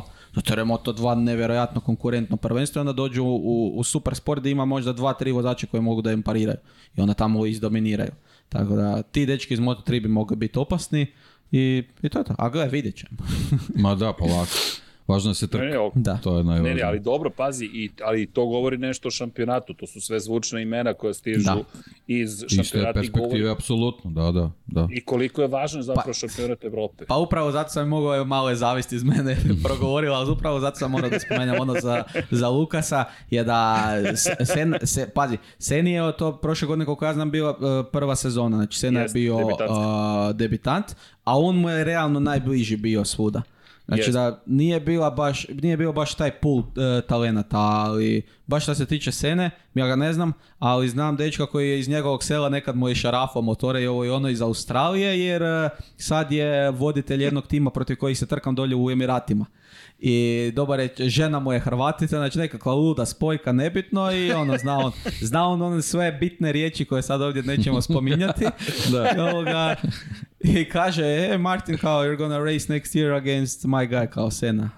da, odlično. Super. A dobro, to je sve da, da. ima Australijanaca, ima i ovaj Harrison Vojtić će voziti. on je za, za Yamahu Filipine zapravo će nastupati, ali dobro, mm. to, je, znaš, to, to je naš deo posla da se, da se informišemo ko će sve biti. Ti će nositi broj 2 sledeće godine, ili tako? Ove godine Ja se nadam da ću imati broj 4, znači još uvijek ne znam koji ću broj imati, nisu mi javili iz tima, mhm. ali... Da, znaš dvo... spisku iz FIMA izašlo da si broj 2. Dvojka, a ja, dobro, onda mi nisu dali četvorku. ne vidi, to je ono što sam ja znašao, sad možda... Dobre, srđane, neki... ne, nemojte vesti. Možda nije još potvrđeno. to be, Vidi, to be ali gledaj to ovako, da, da. kao je Nea Bastianini, znaš, on nije mogao da ima 33, pa je uzu 23. Znaš, da. četiri su podelili sa dva, ali dva kad podeliš ne, ne, ne, ja sam prošle, sa dva... Pazi, baci malo oko na moj broj prošle godine u španskom Superbajku. Pogledaj broj iznad dvojke, mala dvojka. Znaš, ono da, ono, sam se pametan, znaš, ono na kvadrat. To, to, to. Ja sam strašno praznovjeran, znači jako sam praznovjeran i pogotovo sam osjetljiv na brojku i to je sad, uzmemo to tako, ja određeni dio krivnje za moj, uzmemo, ajde recimo, neuspjeh u rukisima, prikrivam to ono što nisam mogao imati četvorku, nego sam imao 44, znaš. I sad sam sa dvojkom, recimo, našao, ajde, alternativu za četvorku, nije bilo toliko loše. Matematički jednostavno, super, da da, da, da. E, ima još samo par pitanja. Ajmo. A, a to ti, koji ti dream bike, da li imaš? Ali pošto ne voziš na, na, na, na, na put, na drumu, na da. biti trkački, da. Jeste, definitivno. Do, do ove godine Dream Bike definitivno Moto dvojka. I to pošto je najdominantniji naravno Kalex, sad mi je to, nisam ga još vozio, ali, mislim da će sad biti ček za to i onda, naravno, ja kakav sam, šta ćemo dalje? I uvijek idemo dalje. E, MotoGP, MotoGP motor neki bi volio probat definitivno, a sad e, poznavajući sebe, ja mislim da bi meni naj, Yamaha nekako najbolje legla, zato jer cijeli život vozim e, redne motore. Cijeli život vozim redne motore i ja Uh, da sad malo sam sebe ispromoviram, ja namještam i s mušterijama suspenziju, znači imam stvarno priliku da probam bilo koji motocikl i svaki put kad sam vozio ili Apriliju ili Ducati koji su V motori, nikad mi se nije sviđao taj, uh, taj tip agregata, znači mislim da mi Yamaha ili sad Suzuki, ali oni su otišli, mislim da mi mi M1 najbolje sjela. Ki kažu da je recimo Miru sad trenutno ogroman problem, vjerojatno što je sa prešao na, na V, još plus Honda ako ne funkcioniše kako treba, bit će mu pakao od sezone. Definitivno, da. Mislim, ono, vinjale su ide na naprili, evidentno, ali... Da. Da, da pa dobro. Bude svašta. Aprilia da. delo je da je baš uradila ozbiljan posao. I Apropo da, uhvatili su neku, neki, neki svoj put, su uhvatili neku svoju filozofiju i to mi se sviđa. Ne, nisu samo u fazonu da prepisuju ono kao što je uspješno. Nego... Sviđa mi se da smo izbjegli temu onih uh, da. Ducati motocikala i to. Pošto baš nisam fan talijanskih proizvođača. e, ali kako ti izgleda sad ovaj novi trend u Moto Grand sa krilima, sa izmenama aerodinamike, Venturijevim tunelima i tako tako dalje. Pa to je opet ono, ja uvijek kontrastruje znaš, jako, jako, malo ljudi to podržava, znaš, ono kao, e, sad će oni letiti u svemir, šta su ovo avioni, vratite Kevina Švanca i takve uh, fore, znaš, ono, e, ja mislim da je MotoGP uh, podloga za, za prototipne motore, podloga za, za testiranje, isto kao što je i to je F1 ok, treba da se nađe neka granica za budžeta, da sad ne bi, ne znam kakve zlatne klipove kovali ili nešto, nemam pojma, e, bubno sam glupost, ali mislim da bi e, MotoGP trebao biti podloga za testiranje. Sad, treba biti pametan i naći nekakvu razliku između onoga što bi mogao jednog dana doći na cestu i ne. Sad, sa ovim right height deviceovima ne, ne znam kakav mi je stav, iskreno. Mislim da nisam fan, isključivo iz razloga zato što je to još jedna e, stvar o kojoj se mora brinuti vozač. I mislim da što vozač više ima toga zaraditi, to se manje može koncentrirati na utrke i to su trke e, nekvalitetnije. Ali ako aero pomaže, a ne mora, nije aktivan ili nešto, zašto ne? Ok, hvala. Hvala. Imaš i pitanje ko će biti šampion sveta i u Formuli 1 i u Moto Grand Prix. Pratiš uopšte Formulu 1? Formula 1 pratim isključivo highlighte i one, Formula 1 je meni zanimljivija uh, naravno uš samo tad onaj drive to survive efekt, kao, kao i većina ljudi ali sad me zaintrigirala taj tehnički aspekt. Trkanje kao trkanje mi je apsolutno dosadno, nisam ni jednu trku F1 pogledao u životu, ali znam većinu, o većinu vozača, znam sad njihove karijere, ko je kakav, ono, znači dosta sam involviran u to i mislim da prva, realno, mislim da će Ferrari opet napraviti glupost, mhm. e, mislim da će Verstappen biti prvak, a sad ako isporuče dobar Mercedes, e, mogao bi tu biti problema sa Mercedesima jer Verstappen nema podršku od Pereza. E, a opet, Hamilton i Russell bi se mogli... Odmorio si i ogladnio. Tako, a Hamilton i Russell bi se mogli sad tu jednim drugim raditi probleme, tako da ne znam. Mm. Mislim da Verstappen će to opet... Ali dobro, možda bude zanimljivo to što ste rekao s Mercedes Biće, biće zanimljivo, sigurno. Ako budu ja, dobri, bit će zanimljivo. Ako ja bih rekao Verstappen. A u MotoGP-u, ja sam nekako tim Fabio, ali, ali realno... Mis, mislim da će Ducati opet biti, ali ne, ne računam, zaboravio sam tu na Idemo na neki. Idemo na neki e, underdog. Na, zaboravio sam tu na Banjaju. Aha. underdoga što se tiče, meni se jako sviđa od kad je ušao u GP, pratim, sam ga nešto i prije, od kad je ušao u GP Oliveira. I dečko je uvijek e, pronalazi nekako sebe u njemu, jer e, dečko iz dana u dan pokazuje svoje sposobnosti, svoj talent. Prvi uh, ovoga je, znači pobjedio prošle godine na, ili pretprošle ne sjećam se, na Tech 3 e, najviše pobjeda ima za KTM koliko ja znam i onda mu tako izbace ga doslovno iz tvorničkog tima da napravi mjesto za Jack Milleru i respektirano rekao je je ajde šljivite se i vi gas gas. Tako da ja se nadam da će njemu ići dobro ali realno mislim da nitko iz Aprilija neće konkurirati za, za šampiona. Ono što se desilo prošle godine, svi kažu, a to je navještenje, bit će sad nešto. Ja mislim da im je to, možda sam negativno nastrojen, ali ja mislim da im je to bio highlight. Mislim da Aprilija neće postići ništa. Tako da ono, a, Fabio, ajde recimo, za titulu ja sam za Fabio, ali mogao bi biti tu napet. Da, ok, vidi, pre svega hvala, zanimljivo je, pa i kada pogledaš sad ove testove poslednje, kada pogledaš te brze krugove, Ducati, Ducati, Aprilia, Ducati, Ducati, Aprilia, Ducati, Ducati, Ducati. Pa jest, ali to su testiranja i pazi, di je bio Banjaja, di je bio Bastianini, znači ono, najbrži su bili Bezeki, Bezeki i Marini, mhm. koji neće glumiti neki faktor u, prvenstvu, nego je njima super da su highlight testova. Mislim, da se tu dosta toga prikrivalo i e, ako će Honda napraviti i ovaj konkurentan paket, ja vjerujem da je trenutno najbolji vozač na gridu Marquez. Bez obzira ko šta govori, ja mislim da je Marquez najbolji vozač, ali hoće li on biti fizički spreman i hoće li imati i ovaj dobar motor da se bori za titulu, 2023. sumnja. a šta će se u 2024. desiti, da li će još uvijek voziti za Hondu ili neće, to zavisi o Japancima. Imaš nešto, Aha. Ne, pa ima pitanje gde držiš predavanja u regionu i kako se može doći do njih. To je zvanični web sajt, imaš beše, čekaj. Martin Vugrinec, ali nemojte ići tamo, nije aktivan. prilike kao i moj YouTube, okay. YouTube kanal, nisam, nisam e, ovoga ponosan na moj web sajt. Najbolje na, na Facebooku, na Instagramu, tamo sam ažiran stvarno svakodnevno.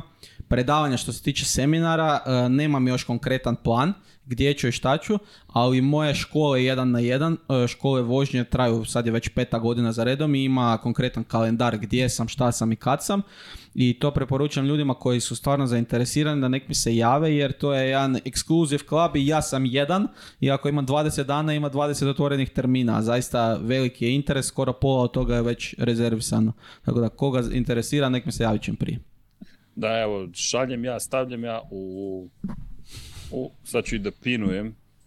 A, e, sad ćemo da pinujemo poruku u sam vrh, eto, tvoj Instagram, pa neke ljudi zaprate i ko želi da može da stupi u kontakt.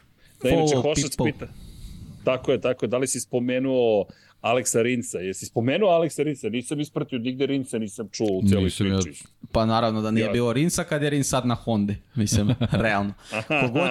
ako će netko, ako, Rinc je super vozač ekstra, ali ako, mislim da Rinc nije klasa vozača za šampiona, jer evidentno kad je bio u Suzuki, e, Mir je bio bolji od njega i on je uspio da izvuče tu priliku šampiona, a sad kad je na Hondi, ja želimo najbolje, ali mislim da ako će itko raditi bilo kakve rezultate u Hondi, to je Mark Marquez, niko drugi.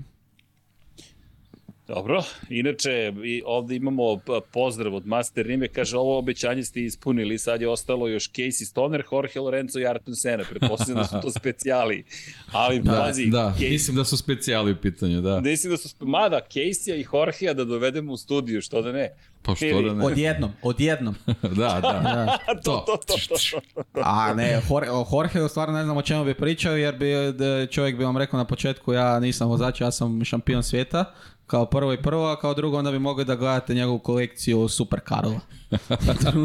ili, kako, ili kako letuje na Tajlandu. Na drugu, druge teme čovjek to nema. e, imali bismo mi neka pitanja. da, bih, e, pa sigurno, što, sigurno. Što, što, što, se ne vratiš u Moto3 da kompletiraš sve, sve titule? To bih ja pitao. da. to još niko nije uradio, pazi, ideš potpuno suprotno, ali ko zna.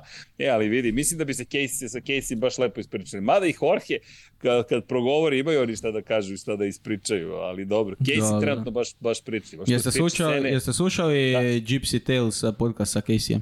Kako ne? Kako Jesmo, ne. da, da, da. da Čovjek je legenda čovjek je bukvalno legenda. I jedan od onih vozača koji kad, kad priča ćutiš, bukvalno. To je ono kao Sena. Redko je pričao, kad progovori kao ok, slušamo. Da, što se tiče Sena, imamo knjigu Put do savršenstva, Dejan Potkonjak, autor, stiže još jedna nova knjiga.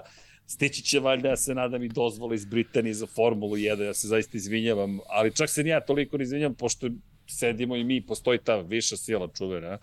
Ali dobro. E da, nismo spomenuli, čekaj, samo jedna stvar, pošto sam ovde povređen, jel te?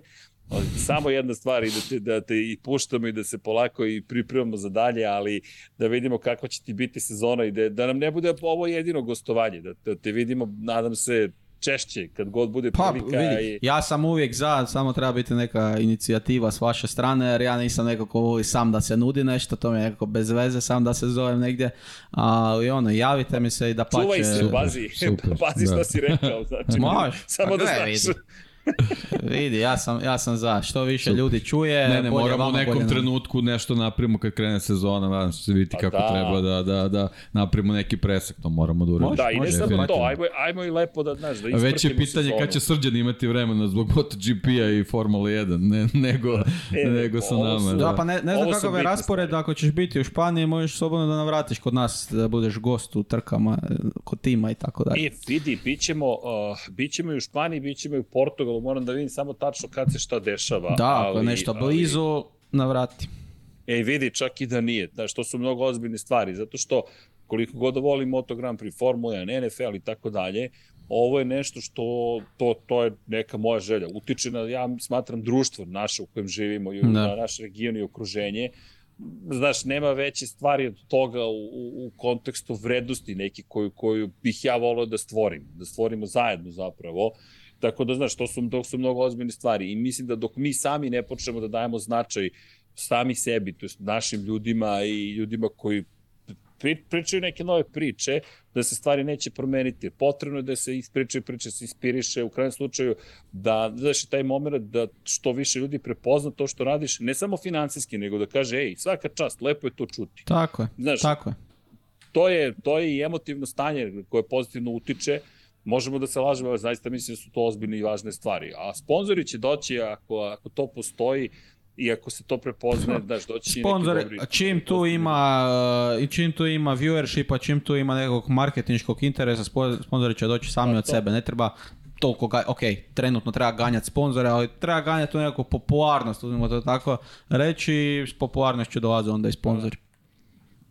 Da, Inače, pozdrav još jednom šaljem ti odavde, žao mi što zaista nisam tu, ali i dalje mislim da ovo bilo mnogo lepo. To sve što si ti ispričao, meni zaista fascinantno i, i, i neću reći neverovatno, sam zaista oduševljen i koliko si ti napredovao i koliko si ti čovjek koji za svoje godine, verujem i mnogo si izreli od većine, verujem da i to sam znaš momaka koji su sledećih godina koji se bave time čime se ti baviš. Drugi ti je bio put, ne, i što ti kažeš neke stvari no. i svega možeš dobro i loše da izvučeš sad. Neki put bude teže, ali zato imaš neka znanja koje mnogo njih neće nikada imati. Ove, ovaj, da li će ti to pomoći u rezultatima? Pa ajmo sad da vidimo ovu godinu, držimo ti palče pa do 2023. pa 24. da to budu te godine koje, koje, na kojima se toliko radilo, da se kotkice sklope. Pa ja se nadam, hvala, hvala vam na, na toj eh, podršci. Mislim, ono, ja ću dati od sebe i uvijek gdje god radio i šta god bio i kad bi, svak, kad bi svako razmišljao na taj način i gledao da da najbolje od sebe, ne da sebi uzme, nego da ako mu ne ide baš na štetu, da pomogne nekom, mislim da bi generalno ne, ne govorimo sad o motosportu, nego mislim da bi generalno ovdje na Balkanu, reći ću to tako jer mi svi sramimo tog izraza, ali ja ću reći mi smo svi Balkanci i mislim da bi generalno ovdje na Balkanu sve bilo uspješnije kada ne bi bilo ono nek susjed crkne krava, nego ej susjede ajmo zajedno u krave. Super, hvala ti na pa To, to, to, to, je, to je ta ideja. Ajmo svi zajedno da pravimo nešto lepše. To je neka naša misija koju smo sami sebi zacrtali. I mnogo ti hvala. Mnogo ti hvala za vrijeme, mnogo ti hvala za tvoje znanje šta ti kažem, mi navijamo za tebe u potpunosti i jedva čekamo da, da i da krene sezona, pratit ćemo naravno na sport klubu, ali ajde da, ajde da se potrebno ovo je neki lep početak i da sad uradimo i što više, mi možemo i takođe medijski da ti pomognemo i da napravimo neku lepu stvar, da, da, da te rasteretimo tog dela, da, da uradimo taj deo da. priče, a da ti imaš više vremena za trkanje. Odlično, bilo bi lijepo, bilo bi mi drago. Super. Da potrudit ćemo se, evo, to je, tu i Deki, on ti je mnogo ti je, neću reći zbiljniji, ali Deki je umeren u svojim rečima, on kad kaže to je to onako. Ja kad Tako kažem, je treba. pitanje je vremenske instance, desit će se samo ne znam kada. Hm.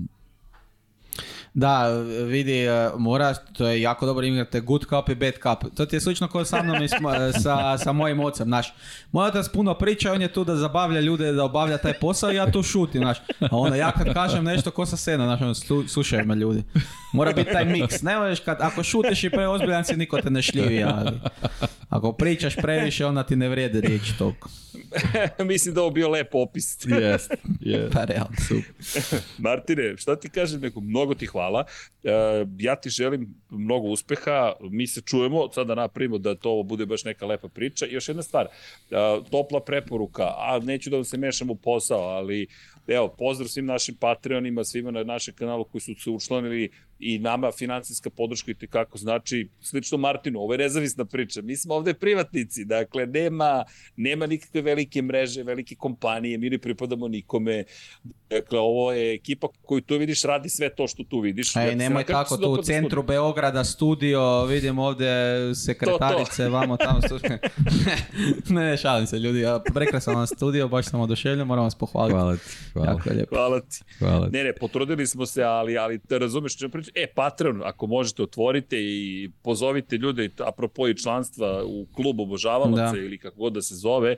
Dakle, mi kad Vidi, hoćemo, ali nismo još, jer po našem iskustvu, svaki put kad su nas ljudi pitali da nekakav merch i kao mi bi kupili, mi bi kupili, i onda kad smo mi dali u proizvodnju, onda se javilo troje ljudi, isto tako i te kao Kickstarter, crowdfunding i ostale opasne ne, ne, riječi od kojih najčešće ne bude ništa. Ne, ne. Kickstarter je moša, ako smem tako da se izrazim ali dobro. Jest. Vidi, u svakom slučaju, ajde, pričat ćemo, danas da ćemo pokrenuti neke stvari po tom pitanju. Tebi hvala mnogo još jednom i mi se nadam se vidimo uskoro, da li u svetu, da li negde god, negde na stazi bi bilo lepo.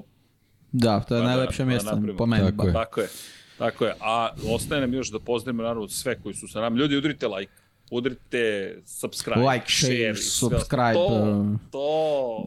To, e, to, je profesionalac. Za, za baku, dedu, mamu, strinu, i za sve sponzore i sad krene da ih nabraja. tako, e pa sad krećemo da ih nabrajamo, to mi tako završavamo. E, a vidi, samo moj mama i tata su u četu, moja mama voli da isprati čet, da vidi šta joj dete radi, pošto inače ne, ne znam šta je sa mnom, a ja neću da javim kad je loša situacija, kad sam na 16.000 km, šta da joj kažem. Ali, sve je da, top. Inače, kako?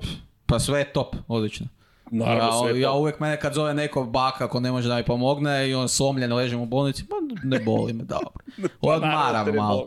Odmaram malo. Da, da, e, inače, ali svaka ti čast da sve te prelome, nemaš meniskus, ali to se gura, nema tu zaustavljanja ja, hardcore, evo, hardcore.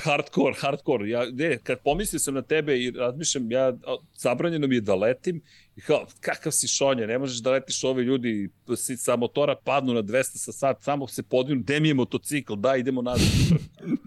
da, tako to ne, a, možda, ko je, ko je sad tu u pravu, ko je u krivu, možda smo mi ludaci samo. Ko ne znam. E vidi, ako si ti zadovoljan, to je, onda si u pravu i to je to. Nisi nikog drugog povredio, da radiš samo sa svojim telom i to je to. To je i moj stav nekakav. Martire, hvala ti još jednom. Mi ćemo sad da, jel te, pročitamo naravno zahvalnicu svim našim sponzorima. Samo da dajte. Naši Patreoni, Go Ne znam da li si ovo ispratio ikada, ali, da, ali imamo jedno, sad 5-6 minuta zahvaljivanja i tako dalje. Hvala sponzorima, e, ja, ja se odjavljam. to. I reče, podržite Martina i zapratite ga, šerujte sve što radi, potrudite se da ispratite šta se čini to je najmanje što svi zajedno možemo da uradimo, pa eto, kao ekipa, kao zajednica, da, da, da, da, da poguramo neke stvari u napred. A, Deki, hoćeš ti ili ću ja? Kako Ti ćeš, ti ćeš. Ja ne ti mogu, da se nisam mogao da ispratim prošli put. Ne, ne, molim te. Nemo, e pa, okay, prebrzo to za mene. Ako si spreman, puštaj Superman naslove, Jelena Mak, hvala joj, Marina Mihajlović, Mladen Krstić, Aleksandar, Milan Nešković, Riču, hotelu sam zbunićih optimistik, Josh Allen Fan, Petar Relić, Darko Trajković, Kristijan Šestak, Dorijan Kablar, Nikola Grujičić, Filip, Igor Vučković, Jasmina Pešić, Zoran Cimeša, Branimir Kovačev, Mladen Tešić, Dušan Delić, Ferenc Laslofi, Ivan Rečević, Branislav Marković, Sava Dugi, Žarko Milić, Dušan Petrović, Đorđe Milanović, klub štovatelja Ramona, ne znam koga, Marko Bogavac, Kovačević Omer, Aleksa Vučaj, Vojn Kostić, Novak Tomić, Boris Vukojević, Boris Gvozden, Ertan Prelić, Šmele, Andrija Miladinović, Dmitrije Mišić, Đorđe Đukić, Neđo Mališić, Kivida i kone ni manje više, Predrag Sivić, Marko Horg, Luka Manitašević, Nebuša Živanović, Nikola Stomjanović, Vlada Ivanović, Anonimus, Donatorus, Grgo Živanjić, Đorđe Radojević, Antonio Novak, Borislav Jovanović, Aleksa Lilić, Marko Kozić, Nemanja, Matej Sopta, Alen Stojčić, Jugoslav Krasnić, Danka, Zorana Vidić, Toni Ruščić, Miloš Vuletić, Tijana Vidanović, Aleksa Valter, Marin Antunović, Daniela Ilić, Ivan Ciger, Lazar Pejović, Andrej Božo, Stefan Lešnjak, Andrija Todorović, Bojan Markov, Bojan Mijatović, Mihajlo Krgović, Jelena Jerević, Nikola Božinović, Živojn Petković, Dejan Đokić, Marko Petrekanović, Boris Erceg, Branislav Kovačević, Matija Binoto, Luka Martinović, Marko Ćurčić, Đurđica Martinović, Đole Bronkos, Zoltan Mezeji, Anonymous, Donatorus, Da, Žena ne sazna, Stefan Milošević, Aleksandar Antonović, Branimir Rijevec, Safet Isljami, Vladimir Petković, Miloš Radosavljević, LFC, Emir Mešić, Stefan Vidić, Ivan Simeunović, Nenad Đorđević, Boris Golubar, Miloš Todorov, Branko Visački, Josip Kovačić, Ognjen Marinković, Veselin Vukićević, Salim Okanović, Miroslav Cvetić, Ivan Maksimović, Goša 46, Stefan Bulić, Vladimir Filipović, Bakto Abdurmanov, Nikola E, Crnogorski, Čedej, Aleksandar Jurić, Marko Mostarac, Matija Rajić, Zoran Šalamov, Sead Šantić, Jelena Veljković, Nemanja Miloradović, Borin Skujundžić, Zoran Majdov, Ivan Toškov, Borko Božunović, Gigi Pao, Alen Vuletić, Ivan Milatović, Žoriš, Ivan, Andreja Branković, Stefan Vuletić, 352, Nenad Simić, Nemanja Zagorac, Đoli Čisher, Bojan Majstorović, Dejan Vujović, Aca Vizla, Miloš Panduka, Marko Kostić, Josenko Samarđić, Vukašin Jekić, Mario Vidović, Luka Saović, Nikola Milosavljević, Veselin Vukićević, Uroš Čuturilo, Hrvoje, Koja 7, Mensur Kurtagić, Uroš Ćosić, Petar Bjelić, Branislav Dević, Jelena Jeremić, Ivan Magdelinić, Anonimus, Donatović, Vukaš Vučenović, Nemanja Miloradović, Milan Kamarunić, Kosta Berić, Vesničanin, Vladan Đurić, Dejan Janić, Janić, Oliver Nikolić, Maxi, Din Stero, DJ Regi, korespondent, korespondent, Vuk, Ivan Hornjak, Bojan Markov, Đorđe Janjić, Ivan Božanić, Toni Soni 76, Kro Robi 00, Ljiljana Milutinović, Dole Ador, Nikola Vulović, Almir Vuk, Ivana Vesković, Aleksandar Nikolić, Marko Stojilković, Igor Minić, Bojan Pejković, Marina, Milan Knežević, Aleks Vulović, Aleksandar Kockar, Vlada Ivanović, Marakos, Bakadu, Almedin Ahmetović, Nikola Niksi, Drago Veković, Nemanja Bračko, Pojan Gitarić, Nemanja Cimbaljević, Saša Stevanović, Galeksić, Nikola Kojić, Igor Ilić, Nikola Grđan, Ivan Vincetić, Nikola Božović, Milorad Reljić, MS13, Miloš Stanimirović, Miloš Z, LFC, Alin Jesenović, Boča Pero, Ivan Vujasinović, Sejdo Mujčić, Tatjana Lemajić, Zlatko Marić, Aleksandar Pej, Pavle Lukić, Nemanja. Nemanja, to je to, opa! čekajte da vratimo slušalicu na desno ovo, pokušao sam da ga malo odmorim. E pa, dragi ljudi, Martine, nadam se da si uživao. jeste, jeste. Primijetio sam da vam je ovaj šef iz Aprilije, to, to, točnije iz eh, Ferrarija, bivši patron. da, da, da, da. I Kimira, i Konen, i Matija Binotto, oh. cela ekipa. Sad su slobodni pa prate podcast. Ozbiljna, ozbiljna ekipa. Nego slabo nam je sa MotoGP-evcima, tako da poziv svima patron.com kroz Infinity Lighthouse ili kliknite join Bitcoin, ali svak udrite like, share, subscribe i sve ostalo. No, najvažnija stvar, molim vas, jedan veliki aplauz za gospodina Martina Vogrineca. Martine, hvala ti. Ovo je baš bilo, meni je bilo divno. I, Takođe. mnogo mi je drago što smo se najzad našli.